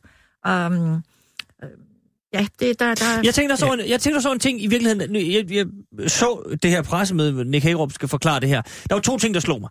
For det første, at øh, man kan blive, man kan altid blive en lille smule bekymret, når der står en minister, og jeg, altså, jeg, det er en kompleks sag, det her, mm. men det virker som en minister, der også, simpelthen også havde svært ved at forklare, hvad det var, der var sket. Altså, så komplekst var det. Mm. Han stod øh, og famlede efter nogle ting, og det var og telemaster op og ned og stolper det ene og det andet. Det i sig selv er jo en understregning af sagens alvor, at det er så komplekst, at, at, at han er slet ikke til bunds i det her. Uh, undskyld, men så meget... formand, undskyld formand, det ja. er teknisk komplekst, men for mig at se, er det jo ikke så forfærdeligt uh, komplekst politisk. Nej, jamen, og, og, og, og det, det, det, det, det er det, altså, frem til. Det er jo det, der er bekymrende. Så kan man sætte teknikere til at ja, forklare ja, ja, det tekniske, bestemt. men resultatet står jo tindrende mm. klart, nemlig, at der er usikkerhed om 10.000 eller flere sagers øh, retsgyldighed i forhold til, øh, hvad, hvem der er skyldig eller ikke skyldig. Og, og det, jamen, det, er det, er jo, det er jo kernen i det her, og det er dybt politisk, mm. og har ikke en pind med, med kompleksitet at gøre. Nej, men det er præcis min pointe, at, at man nåede ikke til det næste skridt, hvor man så sagde, godt, nu har vi konstateret, at det er meget komplekst. Så skal der ske noget. Men vil der være noget, altså, øh, nu, nu siger jeg, jeg er der enig, jeg synes heller ikke, det er ikke Papes job nu, at stille sig op og holde det pres med. Han er jo ligesom øh, forhåndværende, og sådan er det. Men, men øh, vil der være noget? Det, det er jo mere måske det her, der nogle gange sker, når, når øh, en minister får en sag på halsen. Det skete jo også nogle gange i skat, ville det have været klædeligt, at man gør noget andet, end det, der altid sker, nemlig at der stiller en minister sig op og siger sådan, sådan og sådan, og nu må vi øh, for det første se fremad. Det sagde han altså utrolig mange gange på det her møde, men også, at der skal ikke rulle nogen hoveder, og det er selvfølgelig forfærdeligt, og nu fremadrettet er det vigtigt, at der ikke sker mere. Det tror vi alle sammen, det behøver han ikke at sige, det kan vi godt blive enige om. Men at der sådan bliver lukket af på en eller anden måde, Øh, hvorfor åbner man ikke op og siger, når man så kunne han have stået der sammen med Pape? Kunne han have ringet til Pape inden og sagt, prøv at høre her, den her sag, den er simpelthen alvorlig hvis vi to stiller os op og får understreget sagen, al- sagens alvor, du står der ikke som, som øh, søndebuk, men ligesom bare for, at vi siger, men fremadrettet, hvor jeg sidder, og, og øh, undervejs, hvor du er blevet holdt i mørke, vil vi tage affære i den her sag? Vil det være helt bizart? Bært, og gøre det på den jeg måde? Jeg kan ikke huske, at man har oplevet en gammel minister det så sammen med en ny minister. Det har jeg aldrig nogensinde set, men kunne man... Nej, men jeg synes, det, det vil bare være... Altså, det, i, i mine øjne vil det være lidt unødvendigt, fordi det, det i virkeligheden handler om, det her, det er jo tillid. Øh, og det kan godt være, at øh, Nick Hagerup han siger, at øh, nu skal vi ligesom lægge det bag os og, og gå videre. Men, men det sker jo ud fra en manglende tillid. Jeg har i hvert fald overhovedet ingen tillid til det der, fordi vi ved jo, at der sidder en eller flere mennesker i det der system nu, må man formode, det ikke kun er en mand, der har haft ansvar for det her, som, som, som sidder og er sluppet billigt, mildt sagt, i hvert fald med jobbet i behold, fra det her. Øh, og det, det synes jeg ikke er tillidsvækkende på nogen måde. Og så vil jeg så også sige, altså, jeg synes jo, en af de ting, som Socialdemokraterne i talesat, mens de var i opposition, som jeg egentlig synes var positivt, det var, at man turde gå op imod embedsmænd. Altså, det var noget, som både Peter Hummelgaard og Mathias Tesfaye gjorde meget ud af, i hvert fald i ordførertalen i salen. Og nu har man en sag, hvor man har nogle øh, embedsmænd, der har gjort i nælderne, for at sige det, som det er. Og det første, man gør i sådan en sag, det er så at sige, nu går vi bare videre. Altså, vi har fundet problemet, nu skal vi have løst dem. Der er ikke nogen, der bliver stillet til regnskab. De to ting kan jeg slet ikke få til at harmonere. Så, så jeg, jeg, jeg fatter simpelthen ikke, at, øh, at Socialdemokratiet har ageret på den måde her. Øh, og, og, og, og det understreger bare for mig at se, at, øh, at Justitsministeriet... Øh, der er jo nogen, der siger, at det er næsten umuligt at være justitsminister i det her land, fordi Justitsministeriet er så stærkt, som det er. Men men problemet er jo bare, her det er jo ikke engang Justitsministeriet, det er jo, det er jo længere ud, det er jo Rigspolitiet, at problemet formentlig ligger. Så jeg forstår ikke, hvorfor man ikke har, øh, har sat stolen for døren og sagt, at vi bliver nødt til at en undersøgelse af det her. Jeg fatter det simpelthen. Jeg fatter det ikke. Mm. Men hvad er så næste skridt? I virkeligheden, Jamen, altså, altså, kan, kan Nick Hagerup nå at gå ud nu og sige, nu har vi jeg synes, sovet det skal, på det, nu har vi læst lidt op, og så... Øh, altså, øh, Inger Støjberg og andre har jo øh, simpelthen sagt, prøv at høre, det, det kommer til at ske det her. Der skal da også nok komme et samråd og så videre, og så... Jo, jeg synes, der skal stilles et beslutningsforslag om at nedsætte sådan en, øh, en undersøgelse. Altså, det, er jo, det kommer jo... Altså, det, men, men i hvert fald for at markere, øh, at der er nogle partier i Folketinget, som synes, at, at det her, det er, ikke, det er ikke godt nok. Og det kan da det kan da godt være, at der kan skabes et flertal for sådan et forslag udenom regeringen. Det vil da ikke afvise, at, at, at det kan. Altså, der er der nogle partier, som øh, enhedslisten går der ekstremt meget op i retssikkerhed, så vidt jeg har forstået. Så altså, jeg, jeg, det kan da godt være, at man kan gøre, man kan gøre det. Øh, jeg, jeg, jeg synes, det er helt forkert, at vi ikke får en undersøgelse af det her. Det må jeg sige, det synes jeg, det er. Jamen altså, jeg, jeg er uforstående over for det. Altså, hvis der er så stærke argumenter for ikke at, at tage det skridt nu, så kan jeg ikke forstå, at øh, ministeren ikke har involveret øh, øh, et, et flertal af, af partier øh, og deres ledere og ordfører i det. Øh, jeg, jeg har ikke fantasi til at forestille mig, hvad det kan være af stærke argumenter. Altså, taler vi om, at man vil nedlægge øh, øh hvis man siger, hele kraften i, i øh, vores øh, justitsvæsen, hvis man tager øh, det her skridt, at, at beslaglægge så mange kræfter, at man så ikke vil kunne køre øh, aktuelt. Jeg ved det ikke, men, men, men jeg tænker, hvad er det for, for meget, meget afgørende øh, grunde, der måtte ligge bag det her? Fordi jeg, som sagt, jeg, jeg, jeg har virkelig et øh, indtryk af, af, af Nick Hækkerup som en øh, erfaren og, og, og kapabel politiker. Mm. Derfor forstår jeg ikke den Men, men nu, nu, så man skal jo altid passe på med at spekulere for meget, men altså, kunne man forestille sig, jævnfør hvad, hvad, hvad Bert siger med det her meget, meget stærkere, og det har vi jo oplevet flere gange, Justitsministeriet, at man også der sidder og har en vis bekymring over, at øh, 10.700 sager, som skal gå om, og der er en masse komplekst, med, med sagsmapper og så videre, som er væk, fordi når sagen er afsluttet. Kræfter. Det, og det er jo det, det, er det, det, er jo det jeg siger for mig, kan være måske en hovedgrund. Jeg ved det virkelig Det er det, man siger. Altså, man har jo i forvejen en sagspukkel. At det Men så skal, så, der, så skal der jo ikke altså, en bærende politisk flertal til for at træffe sådan en beslutning. Det er meget, meget mærkeligt, at en minister på, på en, en virkelig lille og smal mindretalsregerings vegne vil, vil, vil tage det på sine skuldre. Altså, jeg forstår det simpelthen ikke. Mm. Altså, hvorfor søger han ikke rygdækning?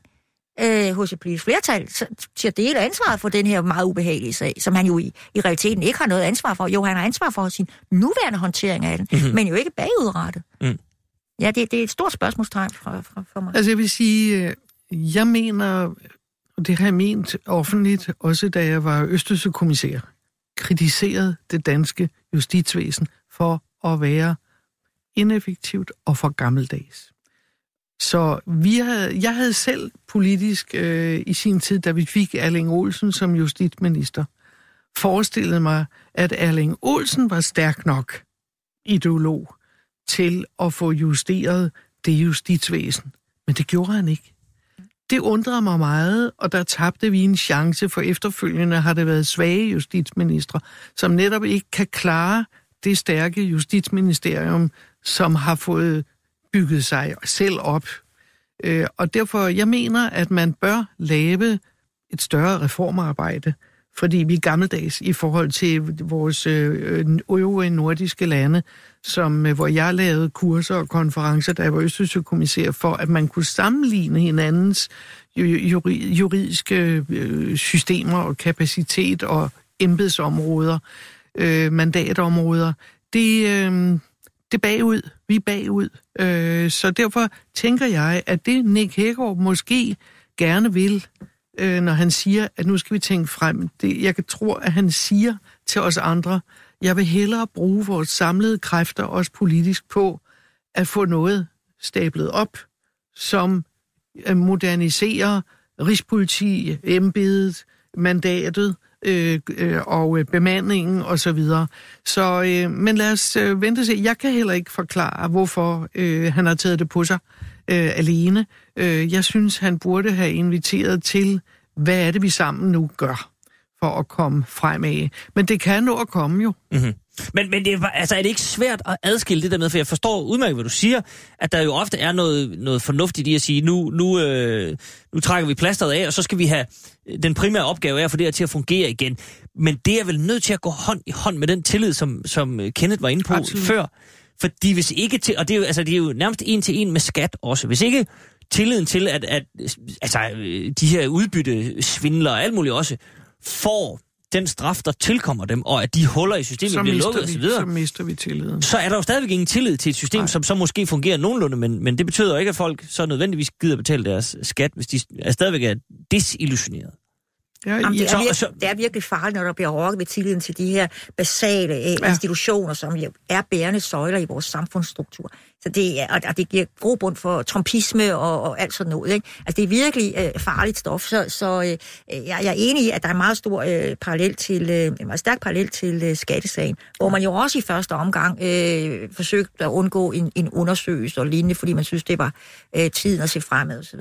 Jeg tror ikke, man skal undervurdere, at der er et øh, behov i befolkningen for at få undersøgt visse ting bagudrettet. Ikke alting, men visse ting. Og her, øh, hvor vi rocker og, og ved noget af det øh, helt fundamentale, der, der, øh, ja, der, tror jeg virkelig, at, at man skal øh, værne om det, som var det noget meget, meget sårbart, som samtidig er enormt stærkt, men det er også sårbart, for mister man først tilliden til, mm-hmm. så er noget meget værdifuldt gået tabt, og det er det, meget svært at genskabe. Det, der ville være så trist, det var, at det nu bare bliver øh, grundlag for sådan små pillerier mm. og, og, og sådan opportunisme og, og sådan noget, små skræpperier.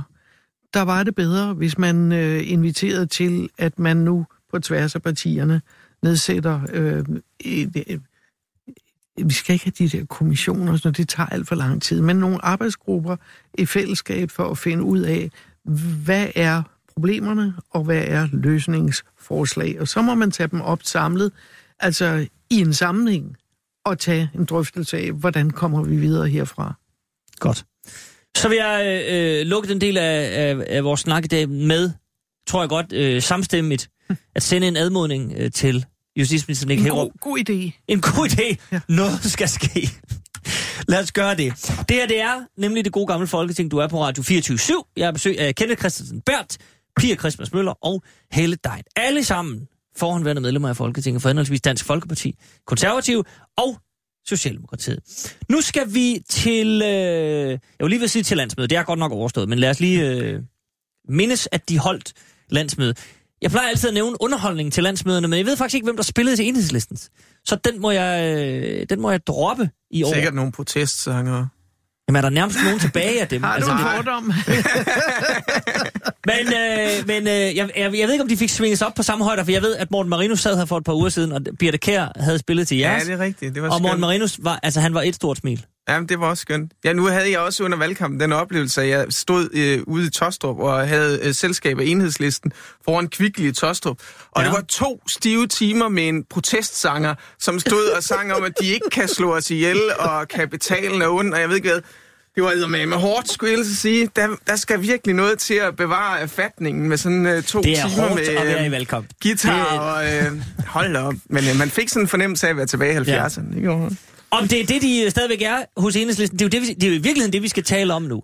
Øhm, for de holdt et landsmøde, der skete alt muligt. Men i- der er to ting, som jeg har øh, ligesom øh, taget med i dag, og det... Øh, skal vi starte med den mest konkrete i virkeligheden?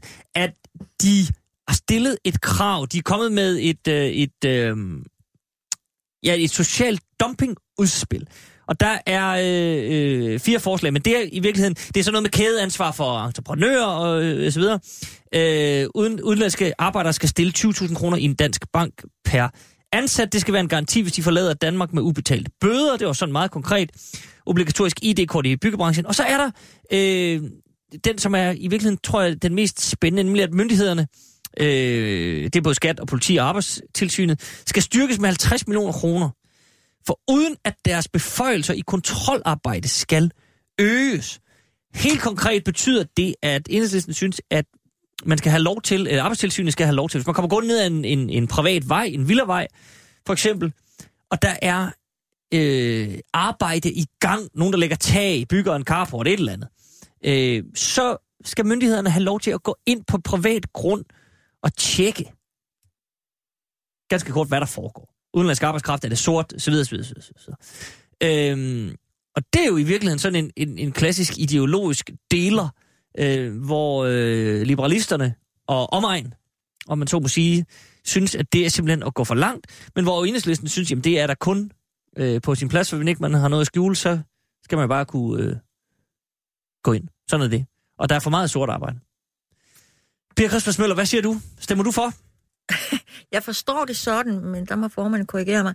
Øh, Jeg forstår det sådan, at forslaget øh, øh, indebærer, at der skal, det skal være efter dommerkendelse. Er det korrekt, eller? Øh, det, kan, det kan jeg faktisk ikke helt svare dig på. Sådan som jeg har læst det, er der ikke... Øh, Jeg synes, set et sted, at, at det var efter dommerkendelse. Jeg synes, der er ret stor forskel på, om det er, er øh, med eller uden dommerkendelse. Altså, den, jeg vil vælge at tolke den sådan, at øh, de, skal, de vil få lov... De får samme adgang til at kontrollere, som politiet har til at efterforske på privat grund. Og der er jo Ja, sådan... politiet skal jo også have dommerkendelse Det det, i langt de fleste sager. I langt de fleste sager. Øh, og det vil så sige, så skal der jo være en eller anden begrundet mistanke om, der foregår noget ulovligt. Ja. Og så er jeg noget mere åben og positiv over for det, fordi jeg mener, at sort arbejde er et problem. Det er også stigende problem, viser forskellige Det er korrekt. Og det der med, at det, det ikke er rigtig kriminalitet osv., selvom det er i, i en række, række sammenhæng ganske systemsat, det går jeg ikke ind for. Mm.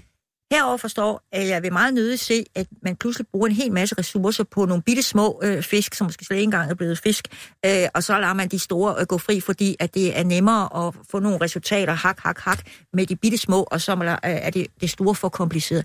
Det går jeg ikke ind for. Så, så jeg er sådan øh, øh, tøvende over for forslaget. Jeg, jeg mener, at der er behov for både at øh, bekæmpe sort arbejde, men jo også social dumping i den internationale verden, øh, vi bevæger os i. Altså, vi skal ikke finde os i, at vores øh, velfærdssamfund og retssamfund bliver undergravet nedefra.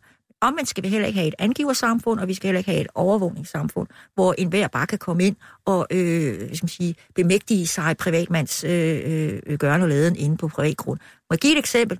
Arbejdstilsynet for nogle år siden greb ind over for en øh, ældre landmand, som øh, tillod sig på sin egen gård at reparere sit tag. Synes jeg simpelthen er uanstændig anvendelse af ressourcer, indgreb osv. osv. Det betyder ikke, at jeg ikke mener, at vi skal have et arbejdstilsyn, der også tager vare på, på arbejdstager og lignende. Men altså, den her landmand, der har været vant til at løse sine egne problemer, slet ikke havde set, der var et problem i forhold til arbejdstilsyn, fik, jeg ved ikke, både påbud, og jeg skal give dig, skal jeg. Det vil jeg simpelthen ikke være med til. Så jeg vil være meget, meget, hvis jeg sad og skulle vurdere sådan noget her, så vil jeg være meget nøje med, øh, hvad er øh, rammerne for det her. Men grundlæggende, ja, der er behov for at øh, bekæmpe social dumping. Mm-hmm. Vi ser en del også i skal man sige, den egentlige øh, erhvervsbranche, øh, altså industrien og byggesektoren. Jeg hæfter mig ved, at byggesektoren er positiv over for det. Det er korrekt. Øh, og vi har også sort arbejde, som er bredt accepteret også inde i det private felt. Og der går jeg ikke ind for, at man sidder der og hø, hø over aftenkaffen sammen med vennerne eller over øllen og sådan noget. Hø, hø, det fik vi da bare, hvor man nærmest er idiot, hvis man siger, kan jeg få en regning? Det, øh, og nogle gange kan man jo ikke engang få nogen til at levere en ydelse, hvis man vil have regning. Mm. Det vil i hvert fald bagerst i køen. Det vil jeg gerne være med til at bekæmpe. Okay. Jeg sidder lige bliver smånervøs, fordi jeg har bygget et øh, halvtag derhjemme i forrige weekend. Men altså, jeg tror ikke, der var... jeg var helt alene, og min far hjalp mig på et tidspunkt, kan jeg blive... Der var ikke nogen, der kiggede ind i haven. Men nu må vi se. Da man havde en diskussion Jamen, om noget tilsvarende way, way back, da, da Henrik Dyrmose var arbejdsminister, der formulerede han det på den måde, at selvfølgelig skal vi bekæmpe sort arbejde, og det er, er, er ulovligt, men man må godt hjælpe hinanden. Altså forstået på den måde, at hvis du øh, går og fedter med det der hjemme i din egen garage, og så har Fedter du din, er det rigtige udtryk. Og så har du din, din bror og svor eller hvad, øh, svigerinde til at hjælpe dig og give en håndsrækning, så skal det være helt ok. Det skal også være ok, at du giver dem en god middag for, som tak mm-hmm. for ydelsen. Eller du giver dem nogle grøntsager, eller hvad vi har. Altså hør, vi skal jo leve, vi skal jo have tingene til at hænge sammen. Men det er der, hvor det bliver professionaliseret, det bliver en indkomst, øh, en betydelig mm-hmm. vægt. Min far fik en sillemad, kan jeg sige og føle sig muligvis underbetalt. Det, den, må jeg tage med, den må jeg tage med ham. Men se, det, i, det vi i virkeligheden lige skal vende, det er jo om, øh, om der kan være et, et skridt i en forkert retning ved, at man giver arbejdstilsynet jo stort set samme beføjelser som politiet. Mm. Kjell altså, Christenberg, er det... Er det øh, Altså, det, der, er jo det, der er jo den lille have de der forslag, det er, at de fire ud af de fem forslag kan man ikke rigtig vedtage øh, på grund af EU-regler. Så det er jo faktisk det her, det forslag, der kan vedtages, uden at EU blander sig. Øh, jeg, jeg har det nok i virkeligheden meget ligesom Pia øh, på det her område, at, øh, at, at det, som er afgørende, det er, om der foreligger en, en dommerkendelse, fordi øh, så er jeg egentlig ikke så bekymret for at give arbejdstilsynet den, øh, den ret. Men jeg, jeg, er ikke, jeg er ikke begejstret for, at bare at man sådan uden videre kan vade ind i en privat øh, have, øh, mens folk ligger og soler sig udenfor. Det, altså, eller hvad ved jeg. Øh, altså, det, det synes jeg ikke. Altså, man skal jo også... Øh, altså, ens hjem er jo ens... Øh, altså, er jo ens borg. Altså, mm-hmm. der, der skal man ikke sådan bare øh, kunne, kunne vade rundt. Øhm, så, så altså, ej, jeg, jeg, jeg er meget enig med piger på det Godt. område. Held en, en, en lille kommentar. Jamen, jeg synes, at man skal øh, prøve at se, om man kan give arbejdstilsynet de beføjelser, der skal til, for at man kan udøve en myndighed, som er ansvarlig. Og om det er så øh, en dommerkendelse, eller, eller hvad for et, øh, hvad skal jeg sige, øh, en metode, der skal til, det, det er åben overfor. Der må man se, hvad, hvad der er klogest. Øh, men jeg vil sige, vi får det jo, tror jeg, kravet også fra EU. Fordi EU er også gået i gang med den der med social dumping og kædeansvar og så videre. Så øh, hvis vi ikke selv kan finde ud af det, så tror jeg, at vi får hjælp fra EU, som ja, vil, øh, vil, øh, vil, øh, vil hjælpe os, øh, så vi finder en, øh, en måde at øh, bygge det her op på. Og jeg, ved, jeg tror, at der er blandt øh, regeringspartierne, øh, eller hvad hedder det, partierne bag regeringen, der, der vil der være en øh, forståelse for det, og det synes jeg er udmærket. Mm-hmm.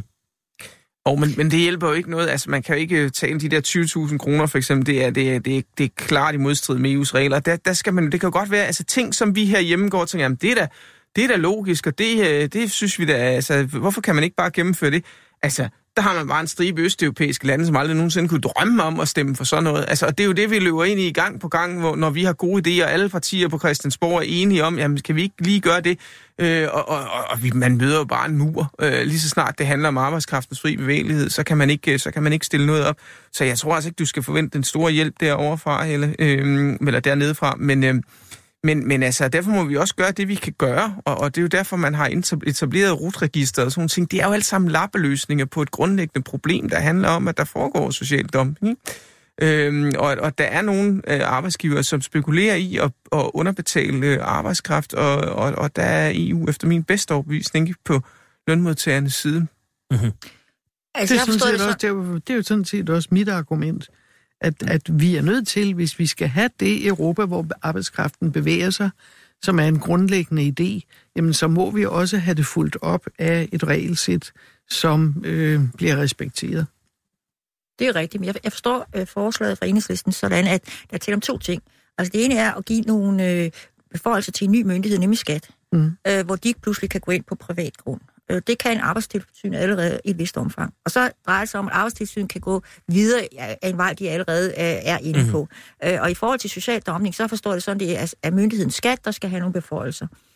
og det, det er lidt vigtigt, tror jeg nok, at, at, at skælne i min, min Ja, de, det er også derfor, jeg siger, at man må prøve at se, hvordan ja. man kan ja. få det tilrettelagt. Øhm, og der, der tror jeg, at, øh, at øh, det er vigtigt at, at holde fast i det, som, som Helle mm. også siger. Altså, jo bedre vi kan have det øh, reguleret på EU-plan på fornuftigt niveau, mm. med respekt for, at landene har netop velfærdsområdet som deres suveræne område, øh, jo bedre vil det være. Men indtil da må vi jo selvfølgelig gøre, hvad vi kan på nationalt niveau.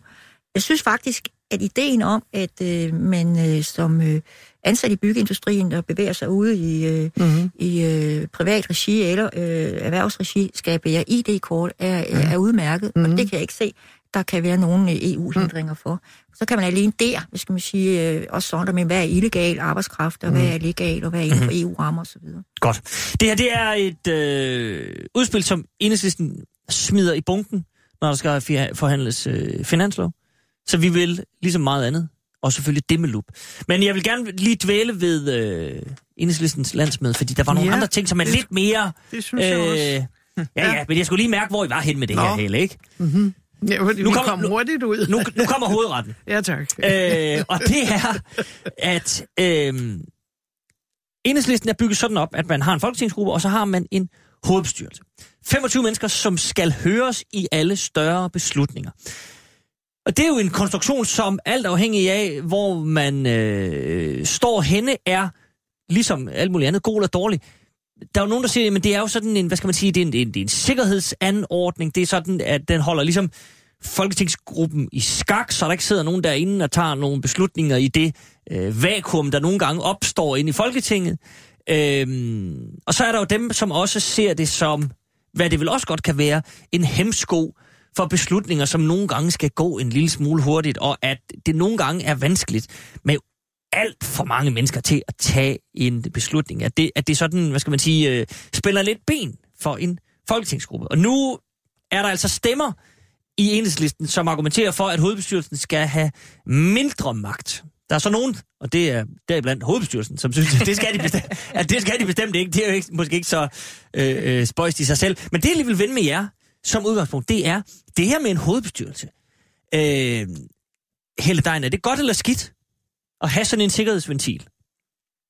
Jeg vil gerne, hvis jeg må begynde min besvarelse et andet sted, nemlig... Det kommer an på at, hvor, men umiddelbart ja.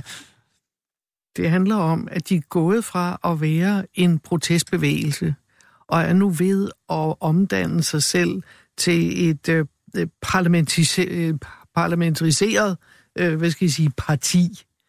Og det får den konsekvens, at den der individuelle stillingtagen i en protestbevægelse, den er mindre bindende, øh, end øh, når vi sidder i vores repræsentative demokratier og strukturer. Jeg har set det samme ske i Sydafrika med ANC. De er gået fra at være en protestbevægelse og skal så blive et regeringsbærende parti. der synes jeg, det er interessant at se, at enhedslisten gradvist har bevæget sig nu her år for år længere frem imod at blive et normaliseret parlamentarisk parti. Og det, derfor så støder de ind i alle de her ting, og det seneste vi så, det var jo også under EU-valgkampen, at enhedslisten selv stiller op til EU, og ikke lader sig repræsentere af en folkebevægelse. Og det synes jeg igen er, er et skridt i den retning, som vi andre bedre kan se det repræsentative, den repræsentative struktur i. Og det er de så også selv kommet til den. Og derfor tror jeg, at de er nødt til at ende nogenlunde det samme sted, som vi andre har. En rådgivende hovedbestyrelse, mm-hmm. men ikke en besluttende hovedbestyrelse. En rådgivende hovedbestyrelse, som rådgiver en folketingsgruppe, som sidder med fingrene nede i suppedasen. Og hvis de skal have medansvar, og hvis de vil gerne være øh, parlamentarisk underlag for beslutninger, som nogle gange er upopulære, eller som øh, man ikke lige kan forstå i baglandet, øh, fordi der skal lidt større pædagogisk indsats og viden til, jamen så, øh, så øh, kan man godt gøre det, men man får ikke parlamentarisk gennemslagskraft, hvis vi skal sidde og vente på, det har vi jo prøvet, Socialdemokratiet at sidde og vente på SF's hovedbestyrelse mm, en gang for mange år siden, da vi skulle diskutere ØD. Det var ikke morsomt, og det var ikke rimeligt, at ikke folkevalgte men øh, øh, deres bagland skulle ligesom træffe beslutninger på de folkevalgtes vegne. Så det knækkede SF også øh, over på. Nu er SF så også blevet parlamentariseret, og det tror jeg også, at enhedslisten gradvist bliver. Jeg tror, det er den måde, man kan håndtere et ansvar på. Så mindre magt til hovedbestyrelsen og mere magt til okay. folketingsgruppen, for det er dem, der er de direkte folkevalgte. Må jeg lidt drilsk spørge så, Helle Dein, for jeg kan huske, ja. at i forhold til jeres hovedbestyrelse, ja. at øh, den er jo endt med at være lidt sådan en, altså, kransekagefigur, lidt, lidt staffage. Jeg kan bare huske, at der dukkede et uh, interview op med Henrik Sass for nogle år siden, hvor han blev spurgt til den her hovedbestyrelse. Og det var et interview, som han gav til en universitetsavis, et, et, et speciale, tror jeg faktisk i øvrigt, mm-hmm. som han tydeligvis ikke havde regnet med, ligesom skulle længere ud end, end det, der var skrevet, mm. hvor han ligesom får sagt, jamen hovedbestyrelsen, de bestemmer jo ingenting. Det tror de, de gør, men det gør de jo ikke. Og der sad, på det tidspunkt sad Henrik Sass jo i en, en ualmindelig centralt placeret øh, øh, position i partiet, og var så altså, i øvrigt i gang med at, at, at, at stryge en hovedbestyrelse med hårene og sige, ja, ja, ja, og for søren, vi lytter til jer, og slet ikke lytte til dem. Altså, der, det, det er vel også underligt i et parti at have sådan en konstruktion. Nu øh, har Henrik Sass Larsen jo sagt mange ting. Og dem det er korrekt. kan øh, jeg ikke altid billige, det må jeg sige. Men det var vel ikke kun så, Sasses opfattelse? Nej, men hvis jeg så kan gå videre det. i besvarelsen og sige, at vi har en repræsentativ hovedbestyrelse for en partiorganisation, som i øvrigt alle partiorganisationer repræsenterer mindre end 3 procent af vælgerne så har vi altså et demokratisk underskud. Fordi de såkaldt repræsentative øh, systemer og strukturer, vi har, de er ikke repræsentative mere. Så her grundlæggende har vi et stort problem i alle partier, at vores partiorganisationer, der møder vi ofte, som da vi var folk, da jeg var folkevalgt øh, i næsten 30 år, der må jeg sige, der oplever jeg ofte, at partiorganisationen ikke selv forstår, at den ikke er repræsentativ, fordi vi kan har meningsmålinger, som fortæller, hvor vælgerne ligger, også hvor, øh, er mit partis bagland, hvor de ligger. Og de ligger nogle gange nogle andre steder end de lokale partiforeninger. Og de har ikke altid forstået, at så kan man ikke rette sig efter dem, men man er nødt til at rette sig efter, hvad vi får at vide og erfare øh, på meningsmålinger og undersøgelser blandt vælgerhavet, som trods alt er de 57, øh, 97 procent af vælgerne. Så vi har et dilemma her med, hvor repræsentative de her demokratier og deres hovedbestyrelser er. Det skal man selvfølgelig afveje. Man skal ikke håne, man skal ikke nedgøre, men jeg har været meget øh, vred over, at man for eksempel i Socialdemokratiets hovedbestyrelse har truffet en beslutning om øremærket barsel til mænd som en regering så bare, altså Mette Frederiksen øh, med flere, bare blæste på. Det mener jeg ikke er rimeligt. Der var både en hovedbestyrelse, en folketingsgruppe og så videre, øh, organisatorisk bagland, der sagde, at det var det, vi skulle have. Og hun havde flertallet for det i, i Folketinget, men valgte det fra. Det var noget det, Pia også hentydede til tidligere i, i, i indlægget her. Men, men altså, der er et dilemma, fordi en hovedbestyrelse er meget lidt repræsentativ øh, i forhold til det, den folkevalgte skal forholde sig til. Så derfor vil jeg tro, at der går parlamentarisering i enhedslisten også her. Mm-hmm. Pia Christmas? Jamen, hvis man går ind til kernen af grundloven, så er hvert valgt folketingsmedlem kun ansvarlig over for sin egen samvittighed. Mm. Altså, punktum. Der er ingen forbehold eller nuancer på det. Øh, med hensyn til øh, hovedbestyrelsers øh, magt øh, Øh, og ikke magt, så kan der være det formelle, og der er det rigtigt. Der har øh, enhedslisten øh, stadigvæk en øh, formel magt tildelt deres hovedbestyrelse.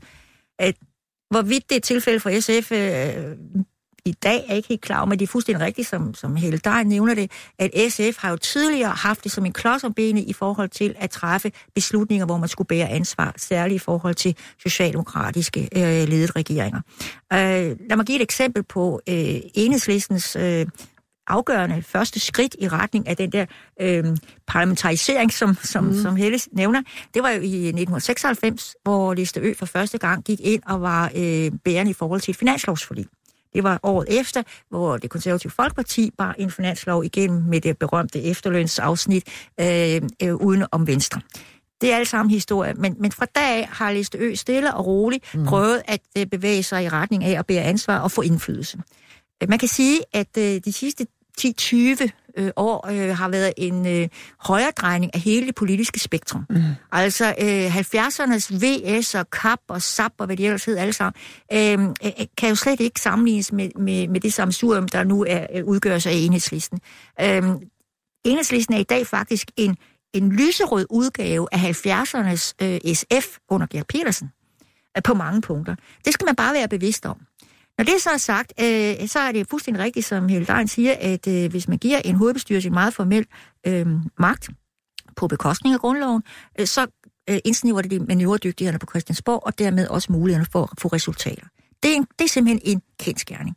Øh, men når det så er sagt, så er der jo den, hvis man siger, mere uformelle magt. Og må jeg minde om et parti på den borgerlige fløj, som for nylig har været igennem ja, øh, virkelig en voldsom øh, tur, tur de force i, i offentligheden venstre der kan man ikke komme og sige, at deres hovedbestyrelse og forretningsudvalg ikke har haft nogen indflydelse på, hvad der er foregået øh, på ledelsesniveau. Mm. Det foregår bare på nogle psykologiske og hvad skal man sige, mm. demokratiske måder, hvor de ikke øh, har direkte indflydelse og kan komme og dirigere, hvad der skal ske i folketingsgruppen, og hvad de skal øh, stemme i folketingssalen. Men der er jo øh, en, en, en, hvad skal man sige, en uformel magtstruktur, som er nok så afgørende for et parti som helhed. Og der synes jeg da, at man kan se, at en hovedbestyrelse ikke kan øh, tilkendes nul magt, som Henrik Sass refererer til. De har bare ikke en afgørende stemme, når der skal øh, når de skal vurdere, om man går ind for et finanslovsforlig eller lignende på Christiansborg, mm. en konkret sag. Men hvad der, hvad, hvad der i øvrigt er af hvad skal man sige, magtdeling inden for partiets rammer, der har de jo stor øh, indflydelse. Det er der slet ingen tvivl. Mm. Også i det konservative folkeparti, øh, når, når øh, der er hvad skal man sige, gang i sejlen, når bølgerne går højt. Ikke? Ja. Bert? Jo, men jeg, jeg er ikke, fordi jeg er så uenig i det, der er blevet sagt. Altså, det, det, enhedslisten er jo et uhyre veldresseret, professionelt øh, parti i dag på Christiansborg. Altså, jeg tror ikke, man finder et, øh, et parti, hvor der er mere styr på, hvem der rent faktisk... Der, man finder ikke et parti, hvor der er mere styr på, hvem der rent faktisk bliver valgt til Folketinget. Og det vil sige, at man har nogenlunde sikkerhed for, at de folk, som rent faktisk bliver valgt til Folketinget, det også er, er yderst kompetente mennesker, og det synes jeg også, man kan mærke. Altså, vi er enige om mange ting, men, men, øh, men det er fagligt dygtige mennesker, der bliver valgt for enhedslisten. Det må man bare tage hatten af for at sige. Øhm, og det vil sige, selvom, altså man, man skal ikke gøre sig den forestilling, at, at enhedslisten er sådan et eller andet øh, anarkisk, for, anarkistisk foretagende på nogen måde. Øh, og jeg tror også, man må sige, at hvis man vender tilbage til det forløb, der var omkring den finanslov, som Pia Christmas Møller nævner, så, så er det jo rigtigt, at, øh, at jeg kan huske nogle af de der autonome typer, som sad dengang i enhedslistens hovedbestyrelse, var ude og sige, ja, men skal jo stemme mod. Og, ja, altså, øh, dem, dem kan man ikke rigtig finde længere. Mm. Altså, det, det, det kan man ikke. Altså, øh, Øh, og, og jeg tror, at, at man nok... Øh, jeg tror ikke, man vil tage det formelle skridt i enhedslisten til at fratage hovedbestyrelsen nogen magt, men, men øh, hovedbestyrelsen vil jo formentlig også øh, udøve magt når man mener, der er behov for at udøve magt, i stedet for at lave altså, meningsløse manifestationer af magt. Altså, øh, og jeg tror, det er mere end i virkeligheden der, man, man øh, bevæger sig hen af, at der, hvor man eventuelt måtte se enhedslistens hovedbestyrelse udfolde en, en, øh, udfolde en magt, det er der, hvor vi er hvor, hvor vi er helt derude, hvor enhedslistens folketingsgruppe opfører sig helt ved siden af. Og det kommer ikke til at ske. Altså, det kommer simpelthen ikke til at ske, fordi de er så veldresserede. Øh, så, så jeg tror, jeg tror ikke, øh, i den virkelige verden, tror jeg ikke, vi kommer til at opleve de der problemer med enhedslistens hovedbestyrelse, simpelthen fordi de folk, der sidder i folketingsgruppen, de er så trænede og professionelle, så intet andet politisk parti på Christiansborg kan prale af at have så øh, veldresseret en øh, folketingsgruppe som enhedslisten. Så heller ikke, altså i forhold til, der er jo nogen, der har argumenteret for, og nu er, der er vi jo selvfølgelig nogle år tilbage, men da Johannes Schmidt Nielsen skal forhandle finanslov med Bjørn Korydon, og der, man er til, jeg tror, 30-31 møder, mm. frem og tilbage, frem og tilbage, frem og tilbage. Det er jo også fordi, hver gang man har holdt et møde, så skal man orientere hovedbestyrelsen. Frem og tilbage, frem og tilbage. Øh, altså, det, det er jo et, et, et, et benspænd, og hvis den der udvikling, som I taler om, som jeg er rørende enig i, at man er blevet mere og mere øh, i går en professionel, eller hvad man nu skal kalde det, altså så bliver det vel en større klods om benet, også når man skal til en, en, en finanslovsforhandling nu, hvis man sidder med en hovedbestyrelse, som... Øh... Jo, men vel kun hvis hovedbestyrelsen vælger at gøre sig ud til benens. Nå, men altså, det mener, men, men det... hvis de fornemmer, at man er ved at blive udfaset, er der så, kunne man så ikke forestille sig, at de har en interesse i at gøre sig lidt jo, jo, muligvis, men, men, men, men så, man, skal jo, altså, man skal jo udøve magt, når man mener, der er absolut behov for at udøve magt. Altså, det er det, den teoretiske det, tilgang til det. Ja, det er jo ikke altid sådan, det sker. Nej, det nej, det, men, men, men, men altså, øh, det er, altså, jeg, jeg sparker mig selv over benet over at sige det her, men, men det, det, det er ikke ubegavede mennesker, der sidder i det der foretagende efterhånden. Det er det altså bare ikke. Altså, det, det er jo fordelen ved at sidde i det gode gamle folketing. Ja, der må du gerne sige sådan nogle ting. Det er, det er vi er folk, som jeg er meget uenig med politisk, men det er, det er, det er ikke, de, de er ikke dumme. Det er de overhovedet ikke. Altså, i forlængelse af det, hvad jeg siger omkring øh, strukturen i enhedslisten, så er det jo sådan, at, at partiet har så meget magt over, hvem der bliver stillet op, mm. og særligt hvem der bliver stillet op i de gode kredse, altså dem, der har stor sandsynlighed for valgbarhed. Mm. Så derfor kan man sige, at, at båndene øh, øh, mellem dem, der bliver, øh, øh, dem, der opstiller, og dem, der bliver opstillet, er så tæt i forvejen, så man kan sige, det der korrektiv, som hovedbestyrelsen er indtænkt som værende, er, er der ikke så stort behov for, fordi de har i forvejen styret, hvem det er, der bliver valgt. Uh, så derfor må man jo formode, at der er en repræsentativitet imellem uh, det uh, partiets fodfolk og hovedbestyrelsesmedlemmer gerne vil have repræsenteret på Christiansborg, og dem, der rent faktisk bliver valgt. Mm-hmm. Så, så, så der, altså alene af den logiske uh, uh, kernegrund, burde der ikke være så stort behov. Og vel også den, den anden vej, fordi en udvikling på landsmødet var jo, at Pelle Dragsted blev valgt til hovedbestyrelsen med altså, forrygende mange stemmer. Mm-hmm. Øh, og man må formode, det kan jeg næsten bekræfte, for han har jo siddet her øh, et par gange, værende nogenlunde i synk med den nuværende folketingsgruppe. Så, så det er vel også meget smart tænkt, Bert, at man ligesom jo, øh, siger, når man så når man så er færdig i, i folketingsgruppen, så, så ryger man over i ja, hovedbestyrelsen, ja, fordi så øh, ad over, så er vi 100% i søg, ikke? Jo, Pelle Dragsted er jo efter min bedste overbevisning enhedslisten svar på Bjarne Korydon. Altså for at sige det som det er. altså han er, han er hjernen bag enhedslisten, og hjerne, enhedslistens agerende de sidste 10 år i hvert fald. Øh, og han er jo kommet fra et ekstremt øh, venstreorienteret ståsted i AFA, ikke? Antifascistiske mm. aktioner er jo nærmest symbolet på at have bevæget sig ind, så det er ham, der, det er ham, der er hjernen bag det enhedslisten, du har i dag. Men vil, vil, vil, ser du samme øh, øh, udvikling ude i fremtiden, at Pelle Dragsted på et tidspunkt vil øh, forlade partiet, hvor efter partiet så øh, øh, altså øh, tager en form for øh, kovending og vender tilbage til enhedslisten Classic, nej, og, fordi, og han bliver nærmest skrevet ud af historiebøgerne. Nej, for det forudsætter jo, at der er et, øh, at der kommer et opbrud fra Venstre. Og det mener jeg ikke, at der overhovedet er tendenser i retning af. Jeg kan ikke se, at der kan etablere sig noget til venstre for enhedslisten de næste mange, mange år. Altså, det er der simpelthen ikke, det er der ikke parlamentarisk rod for. Så derfor har han meget mere ro til at gøre det, han nu vil gøre ved enhedslisten. Han gjorde som pressechef i enhedslisten, end, end Bjarne Korydon havde i Socialdemokratiet, fordi der var pres fra begge sider. Altså, der var et pres fra en højre side, og der var et pres fra en venstre side. Enhedslisten står et sted, øh, hvor de hvor de reelt ikke rigtig presses fra nogen mm. side. Altså, øh, så de står et, et i virkeligheden meget fredeligt sted i dansk politik. Det var anderledes i 70'erne og 80'erne, men nu er det nok det fredeligste sted, man overhovedet kan være. Og dog, for der er en lille bitte ting, som, som øh, det sidste, vi skal vende, nemlig, at man i enhedslisten stadigvæk har et rotationsprincip som betyder, at man efter syv år, sådan give, give or take, lidt afhængig af, hvornår en, en øh, valgperiode starter og sådan noget, øh, ryger ud. Man må i hvert fald ikke sidde mere end to perioder. Øh, og det princip er man også sådan ved at overveje og file en lille smule på. Og det kan jo skyldes, Øh, for det første, at man har set mm. konsekvenserne af, at, at Pelle Dragsted nu har, øh, har måttet øh, forlade partiet, og, og han sidder godt nok i hovedbestyrelsen osv., men, men han er jo langt fra den daglige drift. Øh, og at Pernille Skipper også, altså, ikke stille op næste gang. Og, og, øh... Uh, men det forudsætter jo igen, altså hvis det skal ændres, så skal det ændres på, på baggrund af en stor parlamentarisk nedtur. Det er min bedste overvisning. Det er det eneste, der kan øh, hive det igennem i enhedslisten. Og, og om, om det kommer, det, altså, jeg synes stadigvæk, de befinder sig et meget fredeligt sted. Altså, nu, nu er det så Rune Lund, der ligesom ligger i kortene til at blive spidskandidat øh, om, om fire år. Det vil jeg sige, øh, jeg synes, Rune Lund er en utrolig sympatisk fyr og en, øh, en utrolig dygtig og begavet politiker, men han er godt nok meget anderledes end Pernille Skipper, Rosenkrantz Teil og Johan Schmidt Nielsen og hvem der ellers har bragt enhedslisten til sejr i tidens løb. Så øh, altså, jeg, jeg, jeg, jeg, jeg, jeg tror ikke, de står for at skulle ændre det der, det tror jeg ikke, men, men jeg tror måske, at de skal overveje, hvem det er, de sætter i front. Jeg har jo nævnt i pausen en, som jeg synes, det, de, de måske kunne gøre gavn af. Men, du må men, gerne sige navnet højt også. Jamen, jeg siger også navnet. Så siger jeg gerne navnet. Victoria Velasquez.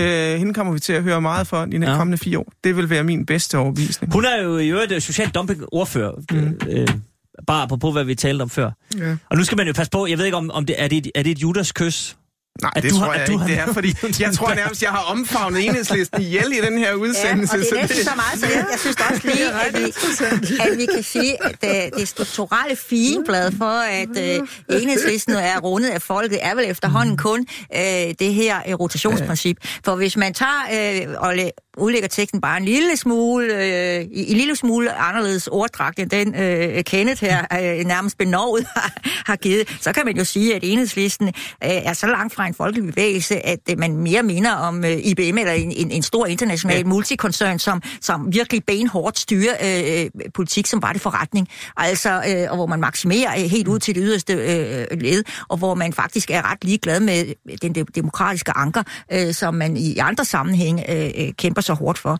Så det, det er jo også en, en sproglig klædedragt, man kan, øh, man kan øh, iføre enhedslistens øh, navigering for, for nærværende. Der er ikke meget folkelig bevægelse tilbage, bortset fra måske Jeg noterer lige, at næste gang Pelle Dragsted kommer, så vil, jeg for, øh, så vil jeg forholde ham, at, at han er blevet kaldt, øh, og at partiet er blevet kaldt Dansk Politiks IBM.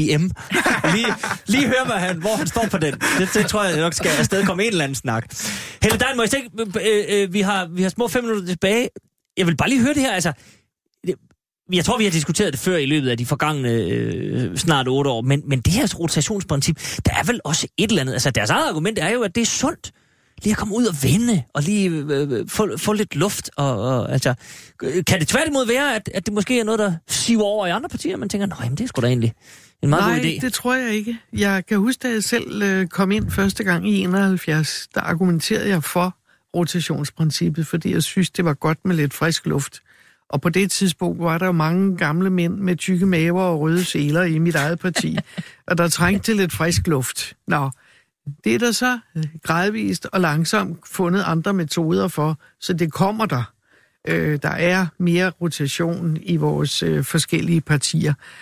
Nu er jeg blevet så gammel, så nu har jeg den opfattelse, at jeg synes, det er tab af kvalifikationer, fordi politik er jo ikke at være i underholdningsindustrien. Det er jo hårdt øh, robotsarbejde.